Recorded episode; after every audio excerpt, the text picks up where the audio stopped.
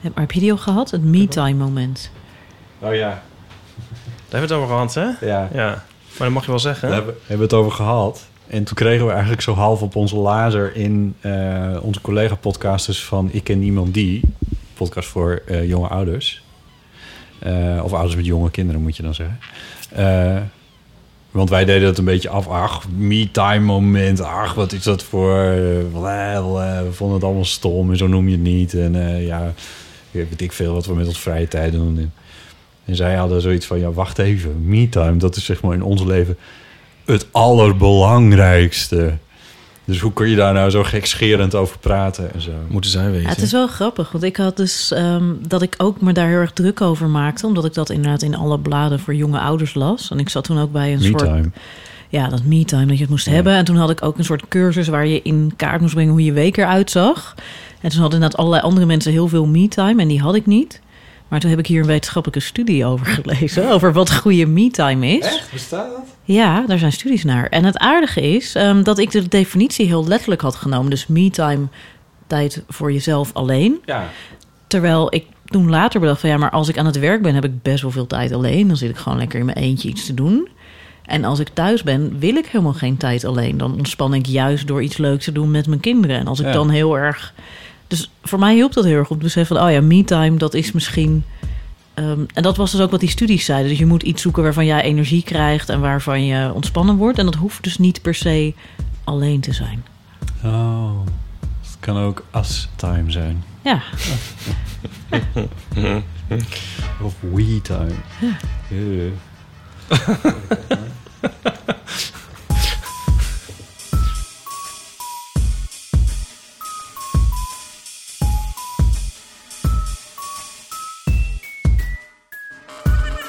Welkom bij Deel van Amateur, aflevering 92. Ehm, deze keer met die Patricia natuurlijk. Hardo, natuurlijk. En te gast is Janneke Smeets. hallo. Je neemt me wel een beetje voor granted onderhand. Met is natuurlijk.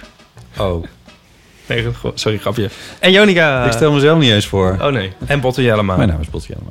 Ook weer. Maar het gaat eventjes om Jonica. Ja, eigenlijk is dit gewoon een boekpresentatie. Ja, Van ja. jullie twee, hè? Ja. Dit is nu de derde. Want er is geen verdere volgende. boekpresentatie. Dus dan verklaar ik dit maar tot boekpresentatie. Ja, we kunnen je zo ook het eerste exemplaar dan officieel overhandigen. Nou, Geef Botte, Ja. hier is het eerste exemplaar van Oh. Ipe en Jonica Oh, en de verrassende verjaardagen. ja. En andere Mooi. nogal logische fotostrips. De ondertitel. Uitgeverij Nieuwe Sites, ISBN. eh 9789057125287. Maar, ehm, nee, maar het is een heel mooi, het is een heel mooi boek. Eh, een fotostripboek met de fotostrips die zijn verschenen in New Scientist. Vanaf wanneer tot wanneer ongeveer? Een jaar vijf, zes terug, tot, eh, tot, eh, tot deze week zo'n beetje. ja. Oh, dat, dus de recentste staan er ook in. Want Ja. het is een maandblad, hè? Dus tenminste, ja. ja, Dus dan, eh, voordat je dat stapeltje... En niet alles heeft het boek gehaald. Dit, dit is ook nog de best of? Of staat bijna alles er wel in? Nee, we hebben er wel een paar af laten Ja. vallen, maar niet zo heel, heel veel eigenlijk. Nee, niet veel. We hebben wel wat dingen bewerkt ook. Dat we dingen zagen waarvan we nu dachten... oh ja, dat zouden we net een beetje anders doen... of een Ja. beetje anders maken. Ja. Of, of dat we dachten van, oh nee, maar 2 plus 3 is 5 en niet 6. Ja. eh, want hoe zijn jullie oorspronkelijk bij elkaar gekomen? Hoe is die fotostrip tot stand gekomen? Eh, ja, ik zou dit moeten weten. We zijn dus voor, de week geïnterviewd door het Parool. Parool, ja. Poirot. En ehm, dan blijkt elke keer dat ik dit niet helemaal eh, straight heb, dit verhaal. Nee, nou, ik had het, was het eigenlijk ook een beetje vergeten. Dus ik ging het uitzoeken voor dit boek inderdaad. Ik dacht van, hoe zijn we nou ooit begonnen? Ja. En ik herinner me dat er ooit een project was eh, voor de RVU, was dat denk ik. Dat heette Wise Bits. En dat was een heel project met heel veel korte filmpjes. Dat was bedacht door Bas Haring, herinnerde ik me vaag. En dan had je allemaal jonge wetenschappers die dan ideeën bedachten voor filmpjes. En dan had je jonge makers die dat dan gingen maken. Nou ja. En ik, ehm, ik schreef dan tekstjes daarvoor en Ipe was een van de makers.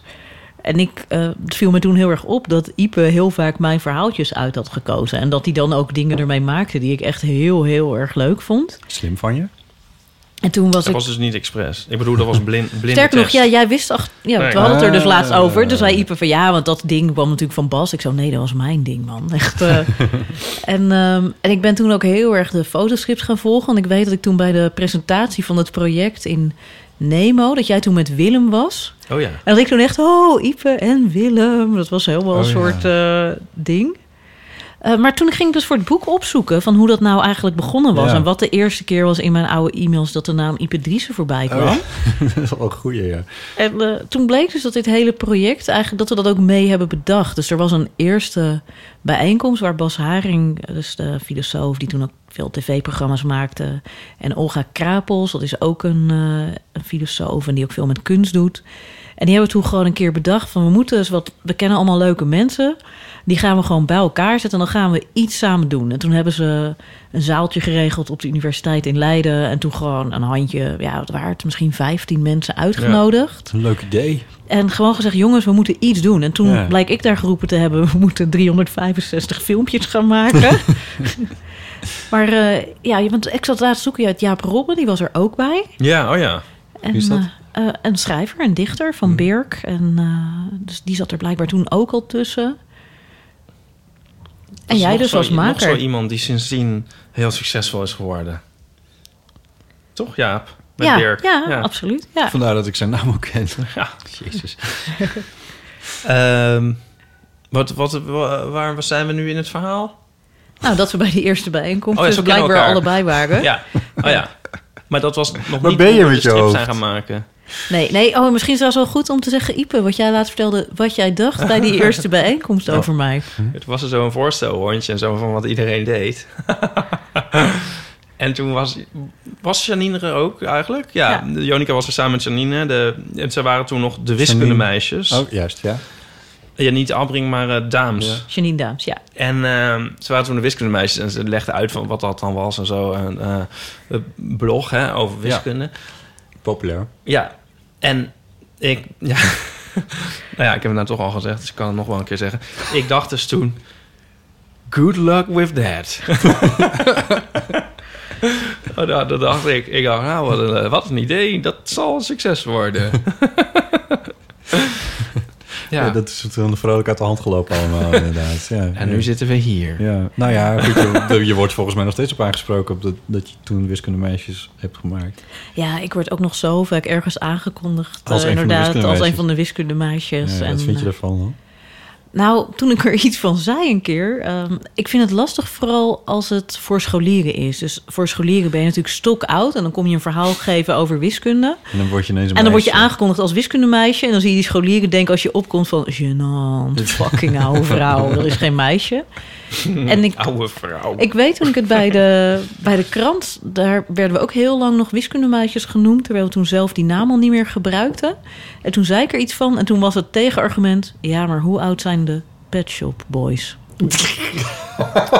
Dat was gewoon mijn tegenargument, hè? Nou, dit was eh, de redacteur van de Volkskrant die dit ook zei. Echt? Ja. Maar dat had ik tegen hem gezegd. Ja, het Pet Shop Boys Alarm doet het alleen als Ipe eraan refereert. Jammer. Dus in dit geval... Ja. Ja, maar dat werd toen echt gezegd van ja, dan mag het wel. Dus Ja. eh, jullie moeten niet zo zeuren. Dus zolang de Pet Shop Boys nog leven, mogen, kan, kan eigenlijk alles. Dat is gewoon eigenlijk waar het op neerkomt. Maar jij hebt het dus dit wel eh, laten varen zelf, toch? Nu, het predicaat. Ja, ik, ja, en als mensen het per se willen noemen, vraag ik ook altijd of ze dan iets willen zeggen als een constructie van bekend geworden met de blog Wiskundemeisjes. Of die vroeger dat deed in plaats van dat ze zeggen Wiskundemeisje Jonica Maar heeft ooit een scholier je erop aangesproken of zo? Zo van, meisje. Jeps. Echt? Ja. oh, nee, wat erg. Oh, ja. Goed. Oké, nou dan hebben we niks gezegd. ja, nee, dat was ook echt in de categorie. Oh, er was een keer een fotograaf die moest ons op de foto zetten voor de krant. Toen we ook echt nog Wiskundemeisjes deden. En zei die fotograaf: Nou, ik dacht dat ik twee leuke jonge meisjes op de foto moest zetten. Maar in plaats daarvan is het dit. Oh, Oké. Ja. oh dat was wel een, een fotograaf die wist hoe hij zijn eh, subject eh, eh, comfortabel kon krijgen, zullen we maar zeggen. Ja, Oh, het was Jezus. achteraf gezien wel een goede foto. Dus dat Oh, vind ik dan wel weer fascinerend, Oh, dat ja. het toch dan lukt. Ja, ondanks, maar misschien ondanks, niet per se dankzij. Nou ja, goed. Ehm waar waren we? Oh ja, zo kwam, dat was dus het begin van Eh, oh ja, zo kennen we elkaar dus. Ja, Maar toen kwam Edward aan, van Vendel eigenlijk aan te pas... toch om ons echt bij elkaar te brengen. de grote niet vermijden. Nee, Het ik denk altijd dat het niet zo is. Ja, ik weet het echt niet Ja, meer. dat is volgens mij zo. Die zei tegen mij van... eh, ja, Jonica, vind je jou zo leuk? Ik dacht, oh, die, eh, met, die, eh, met, die, met die blog. en eh, en eh, die lijkt het leuk om eens iets samen... Want, want wij maakten de Penguins, Edward en ik. En toen had, had Jonica bedacht van... Oh, we kunnen ook zo'n soort constructie doen. Dan gaan we iets maken en dan kun je ook sociaal elkaar zien. En dat is ook eigenlijk hoe het werkt. Want we zien elkaar eigenlijk vrijwel alleen als we strips maken. Ja. Het is een soort heel ut- utilistische eh, relatie in die zin. Maar ik vind dat dus heel erg leuk. Vind, want dat, dat zouden meer mensen moeten doen, denk ik. Want het is niet dat we dan alleen maar... Ik bedoel, dan, dan praten we ook en zo, toch? En roddelen we en zo. En Nee, ik vind het een heel dus heel grappig soort vriendschap. Ja. Dat ik inderdaad Ipe een heel leuk iemand altijd vond. Maar dat Ja. ik het heel lastig vind als het heel druk is... om dan heel veel tijd voor vrienden in te plannen. En nu hebben we inderdaad gewoon af en toe dat je zegt... ja, nee, we moeten echt een halve dag aan de fotostrips werken. En daarvoor en daarna ben je natuurlijk gewoon over alles aan het praten Ja. en tussendoor. Ik zou willen dat ik dat met iedereen had. Nou ja, ik zie ook alleen maar met die... Nee, met die Je praat alleen met mij via die microfoon, dus ja. Ja, het is gewoon heel, echt super handig en leuk. En, eh, nou ja, Nou, en wat wel grappig is, dat we heel erg dezelfde soort dingen grappig vinden. Omdat jij normaal natuurlijk in je fotostrips niet heel veel extreem nerdy grap hebt. Terwijl je daar wel altijd heel veel over leest. Dat je altijd wel best wel veel dingen over kunstmatige intelligentie nog leest. En dat Ja. je daar dan ook wel over nadenkt. En dat vind ik dan ook wel leuk dat daar dan ook een soort niche-markt voor gevonden is. Ja. Ja, want dat, dat, want, want dat boek dus, Ja, dat gaat over de meest uiteenlopende onderwerpen, zoals eh kwantumwaarnemingseffect. het kwantumwaarnemings. ja nou ja, ik heb, ik, eh, ik heb het even door kunnen bladeren. Eh, en ik ken jullie, want die stripjes verschijnen ook op jouw website, Ja. volgens mij. Nu zijn ze er weer af natuurlijk, want nu zitten ze in een boek. Nu zit oh, Nu moeten mensen het kopen. Ja, ik heb Ja. boek, er staan er nog twaalf op of zo. Ze stonden allemaal op mijn site. je kijkt een beetje schuldbewust naar Jonica. Nee, ik, ik, ik, ik, Ja. ik probeer haar gezichtsuitdrukking te taxeren. Ik zet ook altijd mijn columns online en daarna toch nog in een boek ook. Ja. Ja, Ja, Dat is gewoon hoe het gaat. Ja. Nee, maar laat je ze dan ook online staan? ja daar ga ik niet echt over bij de Volkskrant. Nee. Daar staat gewoon alles online. je. Ja, al in het archief. Ja, precies. Ja. Ja, maar bij mij zijn ze wel heel erg readily Maar het is inderdaad wel leuk dat er wel wat nog Ja, staan. ja. Maar wat ik erover wilde zeggen was ook van bij het doorbladeren viel het mij ook weer op van oh ja, het zijn wel echt, het zijn wel echt denkertjes die, eh, eh, die stripjes. Eh, de, de, de- het is wel, het vraagt wel even wat meer van je dan gewoon een gemiddelde. Wat doe je nou? Op het randje en ben ik aan het weg gaan poetsen ondertussen. Ja. Ja, oké. Eh, het vraagt wel wat meer van je dan, eh, dan alleen... Oh, we gaan even rustig achterover zitten... en eh, in alle rust een, een eh, stripboek eh, lezen. De- de- de- jullie proberen wel echt ook iets over te dragen. Het is, wel- het is in zekere zin wel een soort wetenschapscommunicatie. Ja, nee, en dat is precies wat ik er heel leuk aan vind. Dat het ehm, verder gaat dan inderdaad zomaar een strip. En dat zit in heel veel dingen. Terwijl ik niet denk dat je het echt nou per se met tien naslagwerken moet gaan lezen. Dus volgens mij zit het ook heel vaak dat de grap ook leuk is... als je niet alle context helemaal paraat hebt... maar dat je gewoon dan nog steeds de grap wel leuk vindt... Ja. en dat de shots mooi zijn... maar dat je daarnaast, als je wil... ook nog allemaal dingen eruit kan halen. Ja. En wat ik zelf Want er, sto- er stond... Sorry, maak je Ja? af. Nou ja, wat ik zelf heel leuk vind, is dat, ehm, dat ik hier, doordat ik dus met Ipe werk, zie hoe ver hij gaat in allerlei details in de plaatjes goed krijgen. Dus er zit heel veel in verstopt in eigenlijk heel... Ja, je hebt dan inderdaad een paar plaatjes en een paar tekstjes. En ik zit dan heel erg te zorgen dat in die tekstjes ook zoveel mogelijk nog dingen ja, heel precies kloppen Ja, en wel ja. duidelijk zijn. En Ipe gaat er nog allerlei details in de plaatjes toevoegen. En dat maakt het denk ik heel, heel rijk en heel tof. Ja, ja. En, want ik las ook in het, eh, in het voorwoord in ieder geval... dat er een notenapparaat bij zit. Dus het, het eerste stripboek met een notenapparaat. Het eerste, weet ik niet, Het maar, heet ook gewoon notenapparaat. Het is toch gewoon zo... Ja, nou ja, goed. maar het, is, het zijn denk ik heel veel onderwerpen die... Het, je moet eigenlijk geprikkeld raken om eh, eh, een soort geïnteresseerd raken in een onderwerp... maar je hoeft er niet al vooraf alles van af te weten.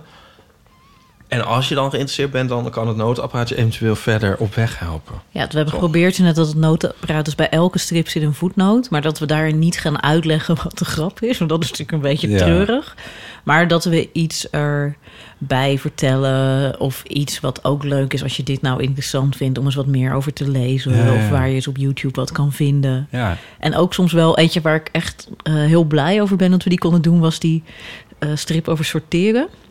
We hebben een strip over hoe we dingen sorteren. Want nou ja, dat doen we allebei wel eh wat Oh, heftig. ja, ja. En dan beginnen we met gewoon kruiden op alfabet zetten. Wat Oh ja, natuurlijk heel ja, prima ja, ja. is. Ja. LP's op eh, speelduur. Ja, boeken op ISBN-nummer. En, wat, en, eh, ja, en eh, zal ik de eindgrap ook verklappen? En dan het laatste plaatje op... eh zijn de pixels gesorteerd? Oh ja, ja. op, op kleur. Maar Ja. daar hebben we dus best wel lang over gedaan. Met dan de broer van Nico. Eh, die heeft het uiteindelijk geprogrammeerd. Hoe Oh, je dan eigenlijk pixels het beste op kleur kunt sorteren. En daar is gewoon best wel diep en lang over nagedacht. Oh. En het is ook een soort de best mogelijke manier om kleuren te sorteren. Maar dan zie je in het plaatje wel een soort streepjes. ja. En nu konden we dat uitleggen in de voetnoten. Wat ons... eh, Ik herkende er iets in van, eh, van een eh, video-edit programma wat ik heb en waar ik wel us wat mee heb gedaan. En die kan inderdaad ook op die manier kleuren opbouwen, zodat je. Je ziet nog wel dat, die- dat, dat die kleuren komen uit het platen wat je hebt.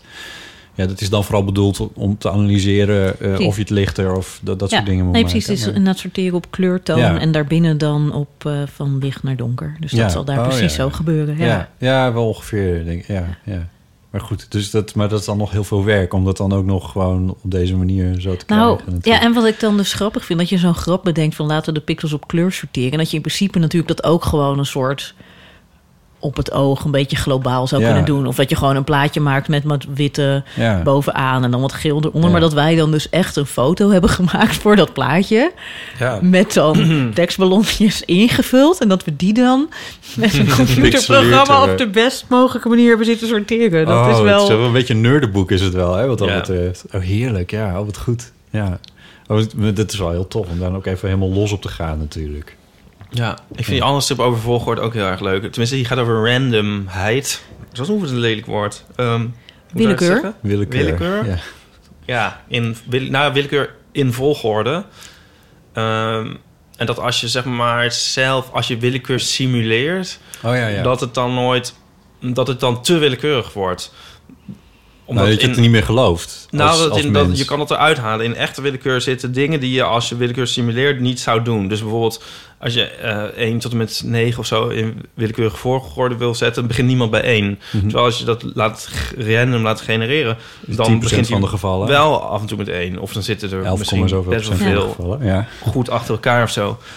En in iTunes dus bijvoorbeeld, dan ehm, is de shuffle-functie ook weer een soort van ehm, minder random gemaakt dan die eigenlijk Ja. is, omdat me- mensen anders weer denken dat die niet werkt. Dat Dat is je twee even- keer achter elkaar een nummer van dezelfde artiest krijgt, Ja. van hetzelfde plaat. Dan denk je, ja, ho even, Ja. dit kan Ja. niet. De Nee. random functie doet het niet. Ja. Maar dan doet hij het dus juist wel. Maar Shuffle dat hebben ze er weer het, uitgehaald. Om, ja, shuffle. Ja. Ja. Ja, en dan de grap uiteindelijk van, het, van de strip is... wij hebben dan eh, daar dus een soort exposé over. En het laatste plaatje is dan van... eh, de, de plaatjes van deze strip staan trouwens ook in willekeurige volgorde. Zou je zien dat de mensen dat ook weer niet geloven. Oké. Eh, wat is jullie inspiratiebron voor, eh, eh, voor de stripjes? Hoe begint een idee? Het is een beetje wisselend. Meestal begint het met een paar mailtjes met een paar heel vage bullet points van waar we wat mee willen. En dat doen we allebei naar elkaar. En Ipe is uiteindelijk altijd degene die er scenario's van tekent. Ook wel zeurnario's genoemd. Jezus. Zeurnario. Ehm Maar ja, komt het bijvoorbeeld ook uit actualiteit of zo? Of probeer je dat juist te mijden om het wat tijdlozer te houden? Of, of artikelen uit New Scientist juist? Of... Volgens mij alle, allemaal wel. Dus hoe het volgens mij werkt is dat we meestal een lijstje hebben van dingen die we nog wel een keer zouden willen. Maar dat is ook niet alleen inhoud, maar ook vorm. Dat je Ja. ook, dus we hebben bijvoorbeeld ook een strip over de reeks van Fibonacci. Ja, Eh, dus die begint met twee enen en dan neem je steeds de twee vorige bij elkaar opgeteld. Dus dan krijg je 1 plus 1 is 2, 2 plus 1 is 3 en dan 5, 8, 13, 34, Nee, wacht, nu vergeet ik 21. Nou ja, et cetera. en, eh, en daar hebben we dus ook een strip mee gemaakt... dat je dan ook steeds meer plaatjes per regel ziet Ja. komen... die dat volgen. En dan moet je uiteindelijk iets zoeken wat ook qua onderwerp werkt. Dus volgens mij hebben we altijd een beetje zo, toch? Dat we lijstjes met Ja, onderwerpen hebben of... we hebben soms van die classics eigenlijk. Toch? Als qua onderwerp, dus inderdaad Fibonacci vind ik echt een classic of zo. Of, of pi, weet je wel. Iets over pi. Moeten we niet een keer iets over pi? Ja, soms ja, ja, ja. En soms hebben we meer, ehm, ja, inderdaad ook wat dingen ingegeven door actu- Hebben we dingen actualiteit? Nou, dat willen we. Maar dan, dus we hebben bijvoorbeeld vaccinatiedebat op ons lijstje staan... maar nog ja. niet gemaakt. Nee. Maar ik heb ook wel eens het idee dat het ook wel wat ook wel uit jou. eh, omdat je, dat er zitten ook wel filosofische dingen in. Ja, ik bedoel, daar vinden jullie elkaar natuurlijk eh, gewoon echt. Maar bijvoorbeeld die. Volgens mij heb ik daar meerdere stripjes over gezien. Over eh, dat er. eh, hoe zeg je dat? Oh ja. Dat je uitrekent hoe, hoeveel eh, varianten er op deze wereld bestaan in het, in, in het ons melkwegstelsel, ons zonnestelsel. Of nee, niet in ons zonnestelsel, maar in ons eh, planeet. Nee, ons, hoe heet dat nou? Ja, ons heelal. Ja, Ja, nee, klopt. Ja, die komen vaak... Ja, ik, Ipe zit in de tussentijd te bladeren, dus toen wist ik ook weer waar die vandaan kwam. Ja, oh, maar, sorry, ja, ehm, ja, ja, ja. ja, die komen volgens mij meestal net wat meer van Ipe, omdat hij daar dan boeken over zit te lezen. Ja. Ik zit weer helemaal niet op te letten. Nee, ik zag er net eentje die ging over dat ik dan uit ga rekenen. Ja. ehm, is leuk. hoeveel mensen er... ehm, dus dan zit Ipe op te scheppen dat hij bij de slimste mens was. En dan ga ik uitrekenen hoeveel mensen daarvan sinds de uitzending zijn overleden. en dus dat is er één per uur gemiddeld. Ja, dat is er één per... Daar zijn wij dus eigenlijk allebei waren wij daar een soort verbijsterd over. Van het publiek bedoel je? Of, Ja, van de mensen die er Oh. zitten te kijken. Ja, en de, oh, voor mensen die zitten kijken. Oké, ja. Oh, Ja, er keken een miljoen mensen naar. En we hebben, zeg maar, een jaar later hebben we die strip gemaakt. ja. Ja, het kwam eigenlijk... Ja, er was een soort, meer een soort concrete aanleiding voor. Maar is die te tragisch om te vermelden? Nou, weet ik niet, ja, hier kan het denk ik wel. Ik, had een, ik vond het namelijk ook best een mooi verhaal, maar een beetje naar het wrang om er een grap over te maken in een strip. Ik was een keer bij eh bijeenkomst en toen schrok iemand een beetje toen ik binnenkwam. En die vertelde toen daarna dat ehm, haar eh, zus samen met haar man naar eh, de aflevering van Zomergasten had gekeken waar ik in zat. En Mhm. dat ze die heel mooi vonden, dat ze allebei badass waren en dat ze een heel fijne avond hadden gehad. En dat die man in die nacht is overleden. Oh, En dat dus de laatste herinnering is dat voor haar zus Ja. dat zij dat had gekeken. ja, ja, ja. En dat vervolgens ook de familie dan allemaal die aflevering heeft teruggekeken om een soort zijn laatste avond. Ja, ja, ja, mee te eh, maken. te doen. En ehm, ik vond dat toen heel ontroerend en ook een soort betekenis geven aan Ja. wat je doet. En tegelijkertijd ben ik dan ook weer dat ik dan me ineens afvraag van... oh maar god, er keken zoveel mensen. Hoeveel Ja. gaan er dan eigenlijk Ja. heel erg vlak daarna dood? En dat had ik toen aan Ipe verteld. Ja. En toen hebben we het in een andere vorm voor een strip gebruikt. Maar ik vond dat verhaal zelf, ja, ik, ik vond het vooral heel, Is ook zo. heel lief. En eigenlijk, maar ook heel gek dat jij dan dus in die hele familie daarvoor symbool staat. Ja, Ja. Maar dat, to- toen dacht ik, van, omdat ik dus natuurlijk ook wel eens op tv ben... van ehm, ja, een miljoen kijkers van ongeveer de slimste mens, een jaar geleden. ja. Ja, hoeveel zouden er dan sindsdien eh, Gegaan zijn. gegaan zijn? Maar toen ging ik het even zelf uitrekenen.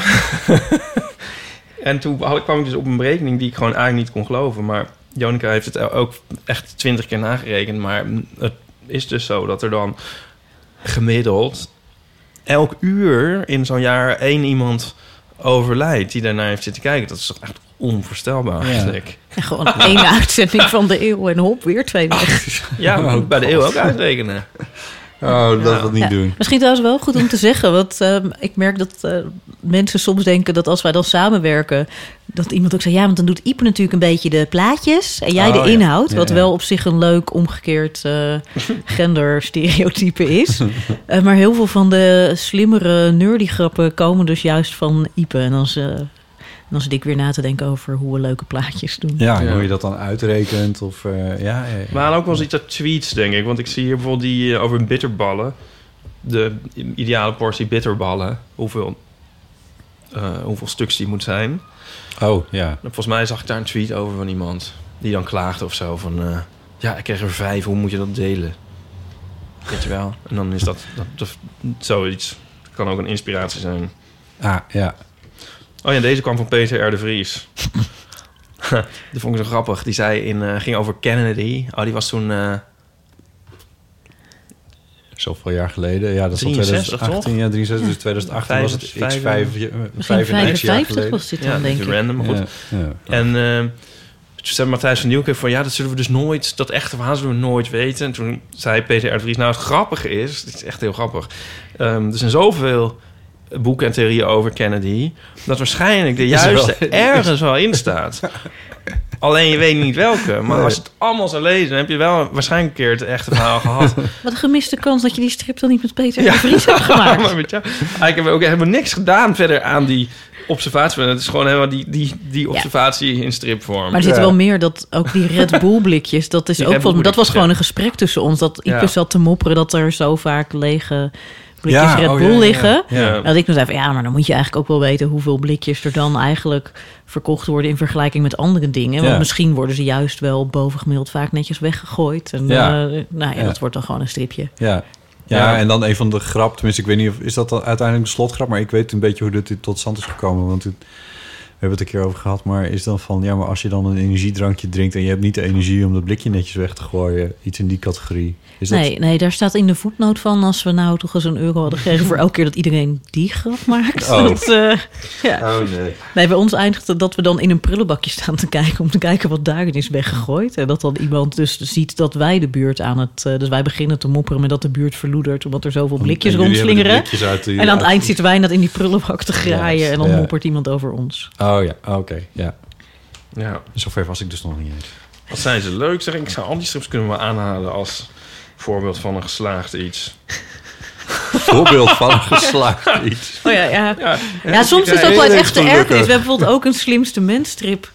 die ook... eh volgens, ik Ja, weet niet, had ik dat die wel bedacht of jij? Of hadden we die tegelijk bedacht? Nou, we moesten een soort... eh, er was gevraagd... New Scientist deed een soort... soort, soort, soort li- Liber Amor, Amoricum, heet dat zo? Oh, voor. Robert Dijkgraaf. En hoe wij dan ook een, een Jonica over Robert Dijkgraaf wilden maken. En volgens mij had, had Nico het, echt het geniale idee van... Dan doe je in de slimste mens van... Wat weet jij van Robert Dijkgraaf? En dat Oh, kwam dan ja. samen dat met mijn eeuwige ergernis. Ja. Dat als je echt iets van iets weet... eh, dat je helemaal niet goed scoort in de slimste mens. Ik zat een keer bij de klassicus toen dan ook Plato kwam. En dan ging die man allemaal, weet je wel, ideeën en geschriften Ja, ja, ja. noemen. Terwijl Ja. je moet gewoon zeggen Griek, Ja, filosoof. ja, dat, oh de eh, basics. ja, dus we Ja, hebben dat inderdaad dus met Robert Dijkgraaf eh, Ja, gedaan. want je antwoord... Sorry hoor, ik ben echt, ik, ik, ik ben echt zo'n totale televisiespelletjes... eh, eh, hoe zeg je dat? Niet weten. Maar het idee is dat je antwoorden moet geven... die je over het algemeen het grote publiek Ja. ge- Ja, geeft. ja. en oh, ik ben hier ook echt nat op gegaan toen ik kreeg Freek Vonk toen ik in de slimste mens zat. Toen ging dus allemaal dingen noemen die ik wist van hem. En toen bleek inderdaad een van de goede antwoorden: de wereld draait door. Want daar Ja. zit hij vaak. Oh, Dus wij proberen in deze strip... eh, hij is natuurkundige en wiskundige, hoogleraar aan de UvA, werkt in Princeton, was president van de KNAW, heeft synesthesie, is expert op het gebied van matrixmodellen, topologische snaren en supersymmetrie. En dan zijn de goede antwoorden. Het is een man met een bril die veel weet en soms te zien is op tv in De Wereld Draait Door. Ja. maar die heb je dus echt op de set van, eh van Nou, dit- Mensen nee, gemaakt? dit is met tv-beelden en zo eh, bij elkaar geknipt. Ah ja. Maar het grappige is nou, live imitates art, dat op een gegeven moment in de wereld uit door, of in de, sorry, de slimste mens, echt de vraag kwam: wat weet jij van, Van Robert Dijkgraaf? En wie mocht deze vraag stellen? Ik! Echt? Ja. ja. En ik mocht ook, eh, ja, ja, dat was heel grappig. Maar ik mocht toen niet de antwoorden zelf bedenken. Nee, oh ja. En wat waren de antwoorden? Staan die in de voetnoot? Ja, die staan in de voetnoot. Het, was, eh, het zat er een beetje tussenin. Het was minder gênant dan onze grap, maar ook... eh, ja. Kijk hoor. Je bent nu nog aan het opzoeken. Ja, oh ja, ik heb het. Waar natuurkunde, KNAW, Princeton en DWDD. Nou, is toch redelijk highbrow. hey, ehm, Genoeg hierover. genoeg over het boek. Eh, 1729, uitgeverij Nieuwzijds. Waarom eigenlijk 1729? Ik zou het nog maar eens even goed in je contract checken of dat klopt. Nee, nee, het boek. Dat is echt heel grappig. Dat is mijn lievelingsgetal. En dan hadden ze een redacteur. Ze waren dus op de uitgever over de prijs aan het praten. En toen zei mijn vaste redacteur, Pleen, Pleun, eh, waarmee ik al heel lang werk. Die zei, oh, laten we anders 17,29 euro doen als prijs. En toen keek ze iemand anders haar aan van... nou, die is niet helemaal goed, weet je wel. Zeven- Dat is, Ja. dat is een heel rare prijs. Ja. En een half uur later mailde ik... misschien is 17,29 euro een eh, leuke prijs. Oh, ja. Dus toen keek ze naar Pleun. Zei ze, wacht, ik heb even... Wat is er met dat getal? Dus, maar ze hebben het Ah, gedaan. Ja, volgens mij hebben we het in de vorige keer dat je dat dan hebben we het over, over dat getal van Ja, en anders zetten we het nog in de show notes. Kunnen mensen het wel notes, opzoeken. Maar ik vind het dus wel echt heel tof dat je dan een uitgever hebt. Ze hebben ook nog wel gebeld van vinden boekhandels dat erg? Ja, oh ja. Als het zo'n rare prijs is. Maar tijdens Nee. nee. Nee, ja, je Nee. pint dat toch, dus dat maakt niet zoveel uit. Ja. toch? Nee. Ja, Omdat het dus de strips over een periode van een jaar of zes lopen... zie je mij in het boek langzaam grijs, kaal en dik worden. Ik heb tussendoor gewoon een kind gekregen. Zie je bijna niks Dat van. zie je nou weer niet. Ehm, wil je naar het volgende? Ja? Oh, Nee, ik Ja? zat ondertussen nog te denken dat er op zes jaar tijd dan 1792 of 1729 dagen zou kunnen zijn. Dacht ik, nee, misschien twee keer zoveel. Maar daar kom ik niet helemaal uit. Dat kan ik helemaal niet. Ehm, goed. We hebben ook wat eh, vragen gekregen eh, voor jou, eh Jonica, ehm, van onze luisteraars. Een paar mensen hebben dat opgenomen. Onze vaste luisteraar uit Leeuwarden, Geeske, heeft ook wat geschreven. Ehm, ik zeg er alvast eventjes bij dat we haar ook eh, hebben gehoord in vorige afleveringen over dat zij wel eens met een kriebelhoest eh, zit, omdat ze astmatisch is. En daar ging het nog over dat zij dan een medicijn had en daar vertelt ze nog iets over. Dus ik lees even haar mail voor. Lieve vriend, lieve vrienden in het Fries. Wat fantastisch dat Jonica Smeets weer langskomt. Ik heb een vraag voor jullie en voor haar. Afgelopen week eh, was in het nieuws dat er een foto is gemaakt van een zwart gat. Nu gaat dit totaal mijn bevattingsvermogen te boven. Eh, deze alles opslokkende materie. Maar mijn vraag is, hoe krijg je zoiets dat miljoenen lichtjaren van ons afstaat gefotografeerd? Veel plezier met de volgende podcast, Leers Geeske. PS, nog even de aanvulling over het hoestprikkeldempende medicijn. Dat zijn codeïne-tabletjes. En nee, die kan je niet eh, als tijmsiroop bij de drogist halen. Je krijgt ze voorgeschreven van de longarts en mag ze bij uitzondering gebruiken. Dus dat soort bijsluiter bij de eeuw van amateur in dit geval. Dat toegevoegde informatie. Kan je iets met zo'n vraag? Want ik weet dat hier is af- afgelopen week wel veel over geschreven. Het was A, heel groot nieuws, dat zwarte gat. Dat die foto is gemaakt. En daarna zag ik ook artikelen verschijnen over inderdaad precies deze vragen ook. En van, maar, maar hoe hebben ze dan in vredesnaam dat gefotografeerd? Want het is niet dat je een zoomlens er ergens op schroeft... en dat je dan die, wat was het nou? eh eh 5 mil- miljard, miljoen, 5 miljoen, wat was het nou? 5,5 miljoen lichtjaren hier vandaan of zo? Zover kan je niet inzoomen. Nee, ik, ik weet het ook niet exact, maar iets in die categorie was het. Maar kan je met zo'n vraag, kan je hier iets mee? Nou, nu niet, want ik weet het gewoon niet. Nee. Dus ik weet dat er stukken zijn die dit uitleggen... en dat er artikelen zijn die helemaal laten zien... hoe ze die reconstructie hebben gemaakt. Want het is inderdaad meer een reconstructie... dan een heel Ja, letterlijke foto. ja. Maar ik vind het heel gevaarlijk om daar dan iets over te gaan kletsen... terwijl ik het eigenlijk niet weet. Zijn het wel dingen waar je dan induikt als mensen je dit soort dingen vragen? Of zeg je van nou, bel maar even Robert Dijkgraaf? Nee, want ik, het is echt wel ver buiten mijn Ja. vakgebied. Dus ik merk ook dat ik er... Govert Schilling. Ja, Govert Schilling, ja. Of Ans Hekkenberg heb je ook. Als je, ik probeer altijd ook een beetje door te verwijzen naar niet altijd dezelfde mensen. Ja. Ehm, dus ik denk als je gewoon... Ja, als je googelt dat er echt wel mensen zijn die het heel goed hebben uitgelegd. Ja. Er ook wel wat Twitter-feeds er voorbij komen. Er was ook heel veel... Dat heb ik eigenlijk vooral gevolgd. ehm, de discussie over hoe je zoiets dan communiceert. Want er Ja. was een jonge vrouw van MIT... die heel erg naar voren werd geschoven... Ja. als dat zij alles had gedaan. Ja. Ehm, ja, dat bleek dan wel weer meegevallen. Ja, en ze had wel zinvolle dingen gedaan, maar het is een enorm team. Ja. En ik hoorde ook, dat vond ik heel grappig, Lieven Scherre. eh, die had dan die hele persconferentie zitten kijken. En die zat na te doen ehm, hoe slecht zo'n persconferentie was. Dus als je zo'n eh, persconferentie van Elon Musk ziet eh, met een lancering... die letten bijvoorbeeld altijd heel erg op dingen als in diversiteit. Dus die hebben altijd mannelijke presentatoren, vrouwelijke presentatoren... verschillende huidskleuren, alles echt best wel over nagedacht. eh. en dan komt er zo'n presentatie, en dat vertelde Lieve dus... want ik heb het nog niet gezien... dat er dan allemaal weer van die oudere witte mannen komen... die dan, Oh, yes, first we would like to thank the following organizations. Oh, ja. En eh, dus hij zat er vooral over van, dit moet toch beter kunnen? En tegelijkertijd dacht ik, ja, het maakt ook niet uit... want zodra je die foto hebt... Ja. Dat is eigenlijk het hele verhaal. Ja, weet je wel, dat je denkt, ja, als ze die persconferentie flitsener hadden gedaan, hadden dan meer mensen die foto gezien? Ik Nee. denk het niet, Nee, want het nee. is echt... Nee. eh, Nee, maar de achterliggende materie, want daar vraagt Kees ook naar. Eh, nou, nee, de- zij vraagt inderdaad hoe die foto is gemaakt. Ja, misschien. Nou, goed. Zijn natuurlijk verschillende dingen. Maar l- licht jij niet gewoon ergens gewoon op of veer je op, dat is het, eh, het eh, spreekwoord. Als je, als je dan zoiets voorbij ziet komen van... hé, hey, dit is weer even een lekker wetenschap wat overal op voorpagina's komt. eh, nee, eigenlijk niet. Dat kan je nee. niet veel schelen. Nou ja, nee, ja, nee, dat is heel gek of zo. Ik vind het dan wel knap en Ja. indrukwekkend, maar het is niet dat ik er ehm, voor... Ja, weet je, ik heb niet eens die persconferentie zitten kijken, Nee. dus blijkbaar vind je het dan toch niet heel belangrijk. En ik, ja, Nee, dat hoeft ook niet natuurlijk. nee, dus dat is altijd, maar dat is altijd wel lastig, hoe je nou, waarom je ergens enthousiast over wordt en waarom niet. En ik heb er heel veel bewondering voor, maar ik denk niet, ja, ik hoef niet precies te weten hoe het zit, want er is zoveel wat je zou kunnen uitzoeken. Dus maar ik, ik denk wel, ja, ik zal wel, weet je, Gees, Nee, wat nee, ik ga niet- doen, niet- ik ga even Hm. googlen naar wat nou echt, want dat is altijd wat ik vaak denk, dat het voor mij makkelijker is om een goede uitleg te vinden dan voor mensen die eh, echt helemaal uit het niets zoeken. Dus ik denk van, oh ja, ik weet wel, bijvoorbeeld Marieke Baan, dat is een eh, Nederlandse voorlichter van sterrenkunde. Ja.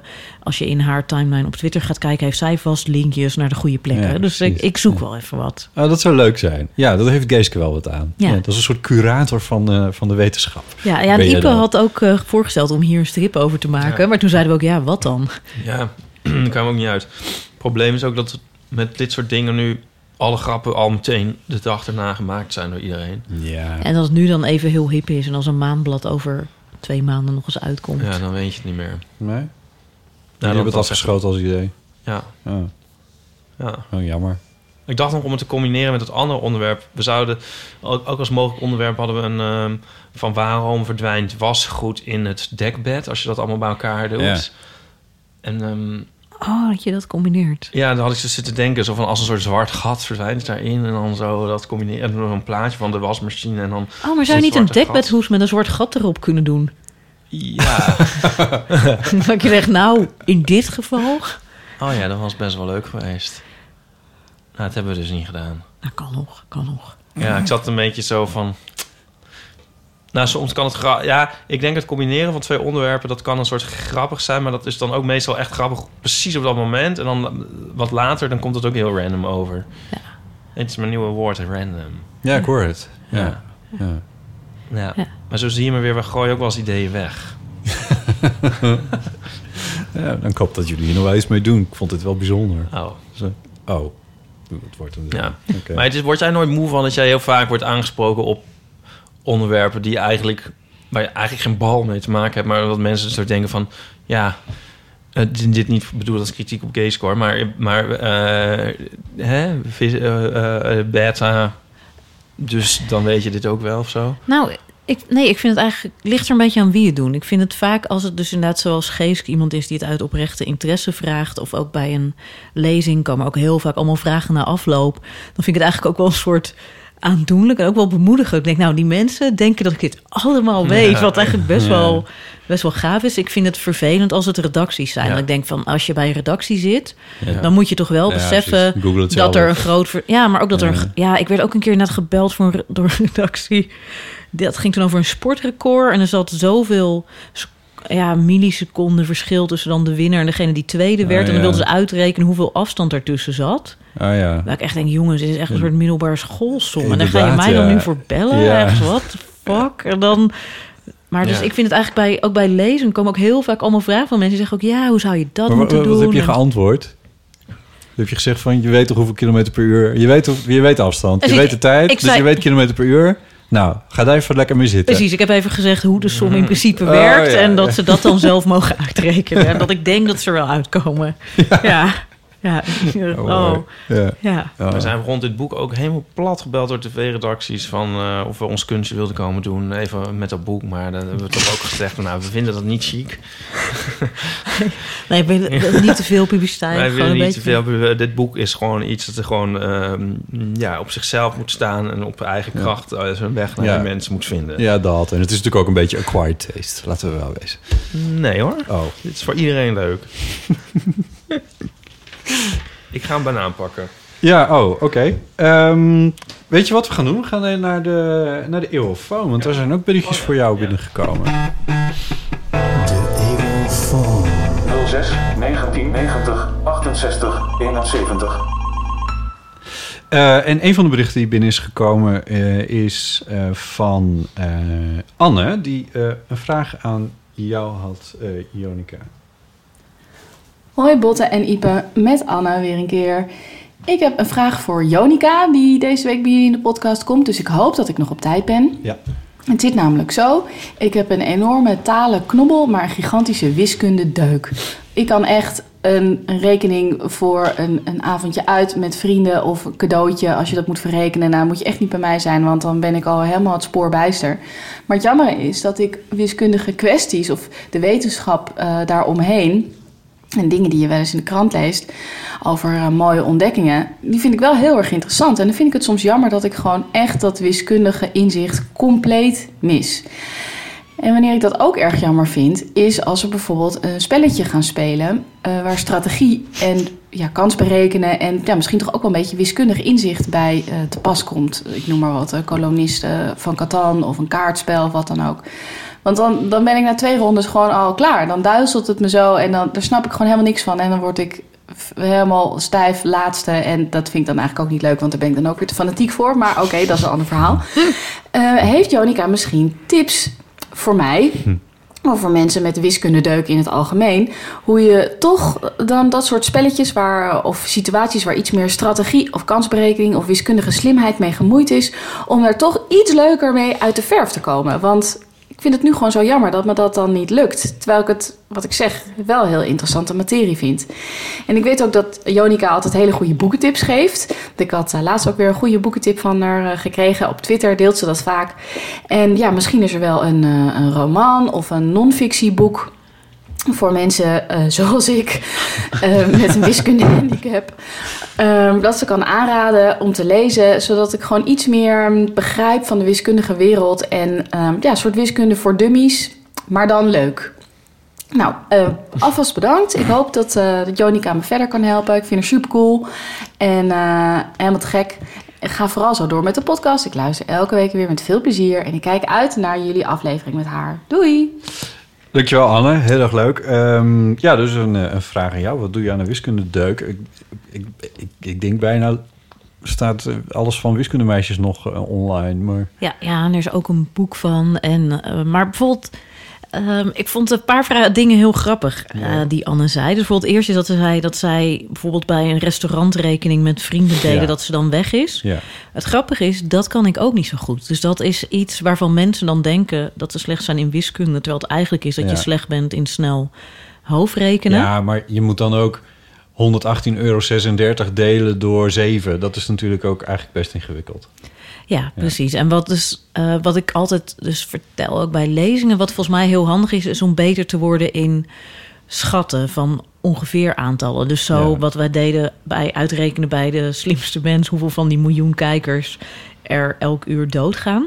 Dan krijg je ineens een soort raar gevoel voor groottes. En Ja. dat kan je heel vaak doen. Dus je kan jezelf eens aanwennen om gewoon vaker dingen te schatten. Dus, voor de, dus bij een restaurant inderdaad.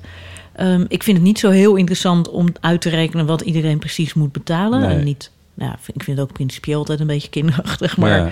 maar ik, wil, ik weet wel altijd ongeveer bij het afrekenen van... oké, nu wordt het ongeveer 120 euro. Ja. Of het wordt ongeveer 90 euro. Ja. Dat maakt wat uit. En dat doe ik bij de supermarkt ook altijd automatisch. Dat je gewoon al zit te schatten van... nou, oké, dit is een mandje van 30 euro. Oh? Of een mandje van 50. Ja, en dan zie je dus als er echt iets heel erg misgaat. Dus als er inderdaad een tientje niet klopt. En dat soort dingen kun je best wel eh, gewoon vaker eens een beetje oefenen. Ja, Maar wat je noemde van die spelletjes, eh, hoe je daar goed in bent. ja. Dat, eh, ja, dat, ehm, dat is wel grappig. Hè? Want ik, ik zit heel vaak na te denken net over structuren in spelletjes. En inderdaad dat je beseft welke dingen wel en niet handig zijn. En ik herinner me ooit, ik weet niet meer hoe dat spel heet... maar dat deed ik tijdens mijn studententijd met een groep vrienden... die allemaal ontwerper waren. Dat was een spel met allemaal rondes. Dan had je poppetjes die zich moesten verspreiden over een bord. En dan kon je eens in Mensen het... je niet. Nee, nee. Oh. Nee, het was iets met dingen veroveren ook en bouwen. En je moest dan eens in de vier ronden... kon je alleen maar punten scoren. Oh ja, er rings wel een bel, maar ja, oké, ga verder. Ja, nou, ja, en ik, Ja. zat, ik zat er toen een beetje over na te denken toen dat begon. En op een gegeven moment dacht ik, volgens mij maakt het eigenlijk heel weinig uit wat je in die drie andere rondes doet. Zolang je niet heel dom doet, maar gewoon een beetje zorgt dat je overal een beetje meedoet. En als je dan in die ene ronde waar je punten kan pakken echt even vet je best doet. Oh, en ja. vervolgens zat ik dus eigenlijk gewoon driekwart van dat spel... eh, ja, gewoon een beetje martini te drinken, met iedereen te roddelen... en helemaal niet op te letten. En ik won heel erg. En dat vond iedereen toen heel irritant. En, en je kan dit soort dingen natuurlijk ook gewoon eh googlen. Dus ook als je bijvoorbeeld inderdaad Catan... eh, ja, dat is op zich wel vrij basic. Ik bedoel, je gaat gooien met dobbelstenen. En dan Ja. wat het dichtst bij de zeven zit, wordt natuurlijk het vaakst gegooid. dat soort heel simpele dingen. Maar bijvoorbeeld bij Monopoly heb je ook allerlei strategieën over welke straat je moet hebben. Je moet juist de straat eh, pal na de gevangenis vooral hebben. Dus dat is Utrecht en wat zit daarna ook alweer? Eh, Haarlem. Haarlem. Ja, maar Utrecht is beter, want Ja. daar kom je vaker Ja. dan op. Dus eigenlijk Ah, is ja. Utrecht, de meest is- winstgevende straat te hebben. ah, ja, Eh, dus je kan dit soort dingen ook gewoon eens opzoeken. Ja, dus, eh, precies. De spelstrategie eh, eh, voor Ja. dit soort dingen. Ja. Je kan ook wel je eigen boek... Ik was altijd heel slecht in wiskunde aanraden. Ja, ja dat, dat hebben we ook beschreven toen met die titel. Dat Ik dacht, als iedereen die dan ooit zegt... ik was altijd heel slecht in wiskunde... dan kunnen ze ons boek kopen en dan Ja. worden we multimiljonairs. Nou, Ja. dat is niet gebeurd, maar Oh. dat, daar hebben we heel erg geprobeerd... om dingen leuk te maken. En dan geven we inderdaad ook tips voor bepaalde spelletjes. Ja. En het is wel, ja, ik zit te denken als je, ehm, als je ook, het, er is heel veel leuke populair wetenschappelijke literatuur niet vertaald. En ik vind bijvoorbeeld zelf speltheorie echt een heel leuk vakgebied. Dus ehm, waar het inderdaad gaat over strategie. En daar zit eigenlijk grappig genoeg vaak helemaal niet zoveel rekenwerk bij, maar veel meer uitputten van als jij dit doet en ja, dan. ja. Ja. Dus dan heb je echt wel leuke boeken. Je hebt zo'n boek dat heet Prisoners Dilemma, wat dan heel erg daarover gaat. Dat is heel leuk. Het zit ook in ons boek. Het zit ook in ons boek. Ja, we geven zelfs nog een tip voor een speltheorieboek in ons boek. Oh ja. Ja. ja, die kan ik me half herinneren. Ja. Dus nou ja, eigenlijk is gewoon de tip aan eh, Anne De Koop, Ipe en. Jonica. Ja, en dan alle referenties uit de voetnoten lezen. Ja. Precies. Dan, dan moet je toch een hele eind kunnen komen. En als je fanatiek bent, Ja. dan doe je dat ook. Ja, en ik zou inderdaad gewoon zeggen voor een spelletje... volgens mij moet je dat gewoon even googlen. Gewoon strategie Catan. Nou, dan vind je het zo. Ja, precies. Hoef je het niet allemaal zelf uit te denken. Mooi. hey, eh, we hebben nog één gekregen van Suzanne. Hoi Botte, Ipe en Jonica met Suzanne. Eh, toen ik hoorde dat Jonica bij deze aflevering zou zijn, dacht ik: dit is mijn kans om haar nog heel laat te bedanken voor eh, de wedstrijd die zij een paar jaar geleden heeft georganiseerd. Eh, dat ging over dat je met de trein door heel Nederland moest reizen, in elke provincie moest komen. En dat moest dan zo snel mogelijk. Daar heb ik aan meegedaan en daar heb ik toen een filmpje van gemaakt. Dat filmpje heeft ze ook vermeld in haar artikel. Dus dat vond ik heel leuk om te horen. Dat ze dat ook echt bekeken heeft en gewaardeerd had. Eh, dus een beetje laat, maar dank je wel daarvoor. En mijn vriend heeft... eh, ik heb toen samen met mijn vriend daaraan meegedaan. Eh, hij studeert civiele techniek in Delft. Dus echt een beta-student. Dus dat was helemaal zijn ding om die optimale route uit te zoeken. Was echt een ontzettend leuke wedstrijd. En zelf studeer ik in Groningen geneeskunde. Ik ben recentelijk verbannen naar Heerenveen eh, om daar het kooschap orthopedie te lopen. Dus ik ben ook in aanraking gekomen met de Friese en dat is mij wel goed bevallen. Ik vond ze allemaal heel hartelijk en, en leuk en sportief. Maar dat kan ook komen doordat wij vooral voetballers zagen met voorste kruisbandletsel. Ehm, en toen ben ik er ook achter gekomen dat ik echt niet zonder jullie podcast kon leven. Die busreis van Groningen naar Heerenveen is namelijk drie kwartier. En dat elke dag eh, had ik niet kunnen doorkomen zonder jullie podcast. Dus bedankt. En als laatste wilde ik nog vragen of jullie misschien zouden kunnen overwegen om nog een keer eh, zo'n aflevering te doen dat jullie door een stad lopen. Ik vond die van Utrecht heel erg leuk eh, om te horen. Het is een Zij andere verder stad. niemand. Groningen misschien, maar, of iets anders. Zou eh, door mij in ieder geval heel erg gewaardeerd worden en vast ook door anderen. Dat was het. Dag. Jij vond dat niks, toch? Die aflevering die u zegt. Ja, ik vond het een beetje lastig, inderdaad. Maar het is wel fijn dat er toch wel een paar mensen het leuk vonden. Ik vond het zelf ook wel leuk. Ja, Ja. nou, misschien doen we het nog wel een Maak keer. er geen gewoonte van, maar we gaan het nog wel een keer doen. Mocht Je een keer in Groningen komen. Ik kan misschien ook combineren met wat ze eerder de- noemden. Dus die wedstrijd waarbij je alle provincies van Ja, Nederland zo snel mogelijk Ja. zien te bezoeken. Oh ja. Dat je dan een soort podcast van dit avontuur maakt. Zal ik nog één leuk detail eh, hierover vertellen? Want ze stuurde dit in een mailtje. Ja, ik weet helemaal niet of dit voor, voor haar... bet- Ik vertel het gewoon. Het maakt ook niet zoveel uit.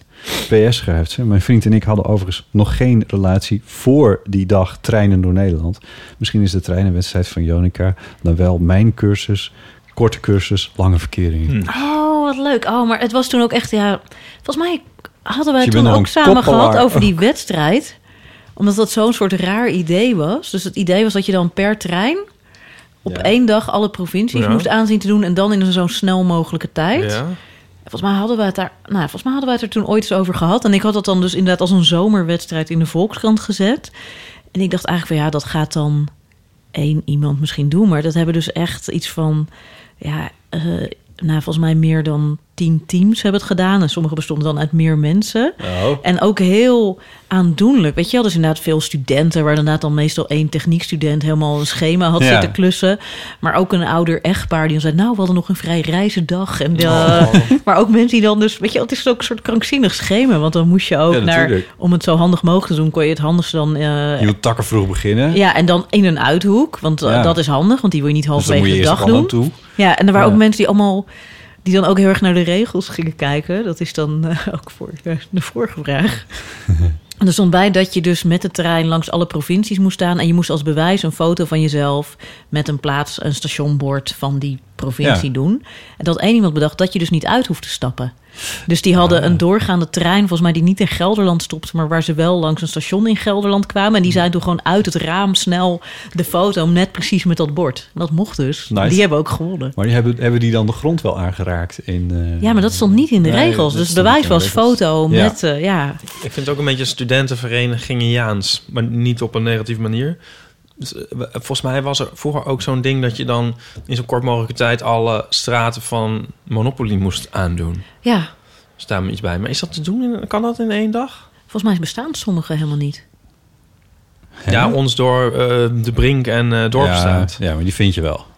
Ja, De- volgens die zijn mij- zeg maar van. De, Volgens mij was er nog een straat, maar dat weet ik nu niet meer... die ook gewoon niet bestond. In een van de grote steden wel. Omdat Oh. die opgegaan is in iets anders. Dat las ik laatst. Oh. Misschien- opgeheven. Ja, er was iets mee. Is dit zo? De Bartol Jorisstraat. Ja, ik zal... Ik kan me haast niet voorstellen. Nee. Ik heb geen Oh, idee. ja. Ik heb al Zou jaren dat niet verder mogelijk zijn? Ja, misschien is het wel makkelijker. Er staan natuurlijk minder plaatsen. Ja, nou, maar wat ik vooral wel lief vond, dat het heeft inderdaad niet heel studenticoos, maar dat er dus ook dan van die Ja, ja. gepensioneerde Ja. echtparen die het gingen doen als Ja. een soort... Maar studenten doen ook wel best uit. leuke dingen soms. Drinken. Nou. Wat ontzettend leuk ook van de verkering. Ja, berichtje van Suzanne.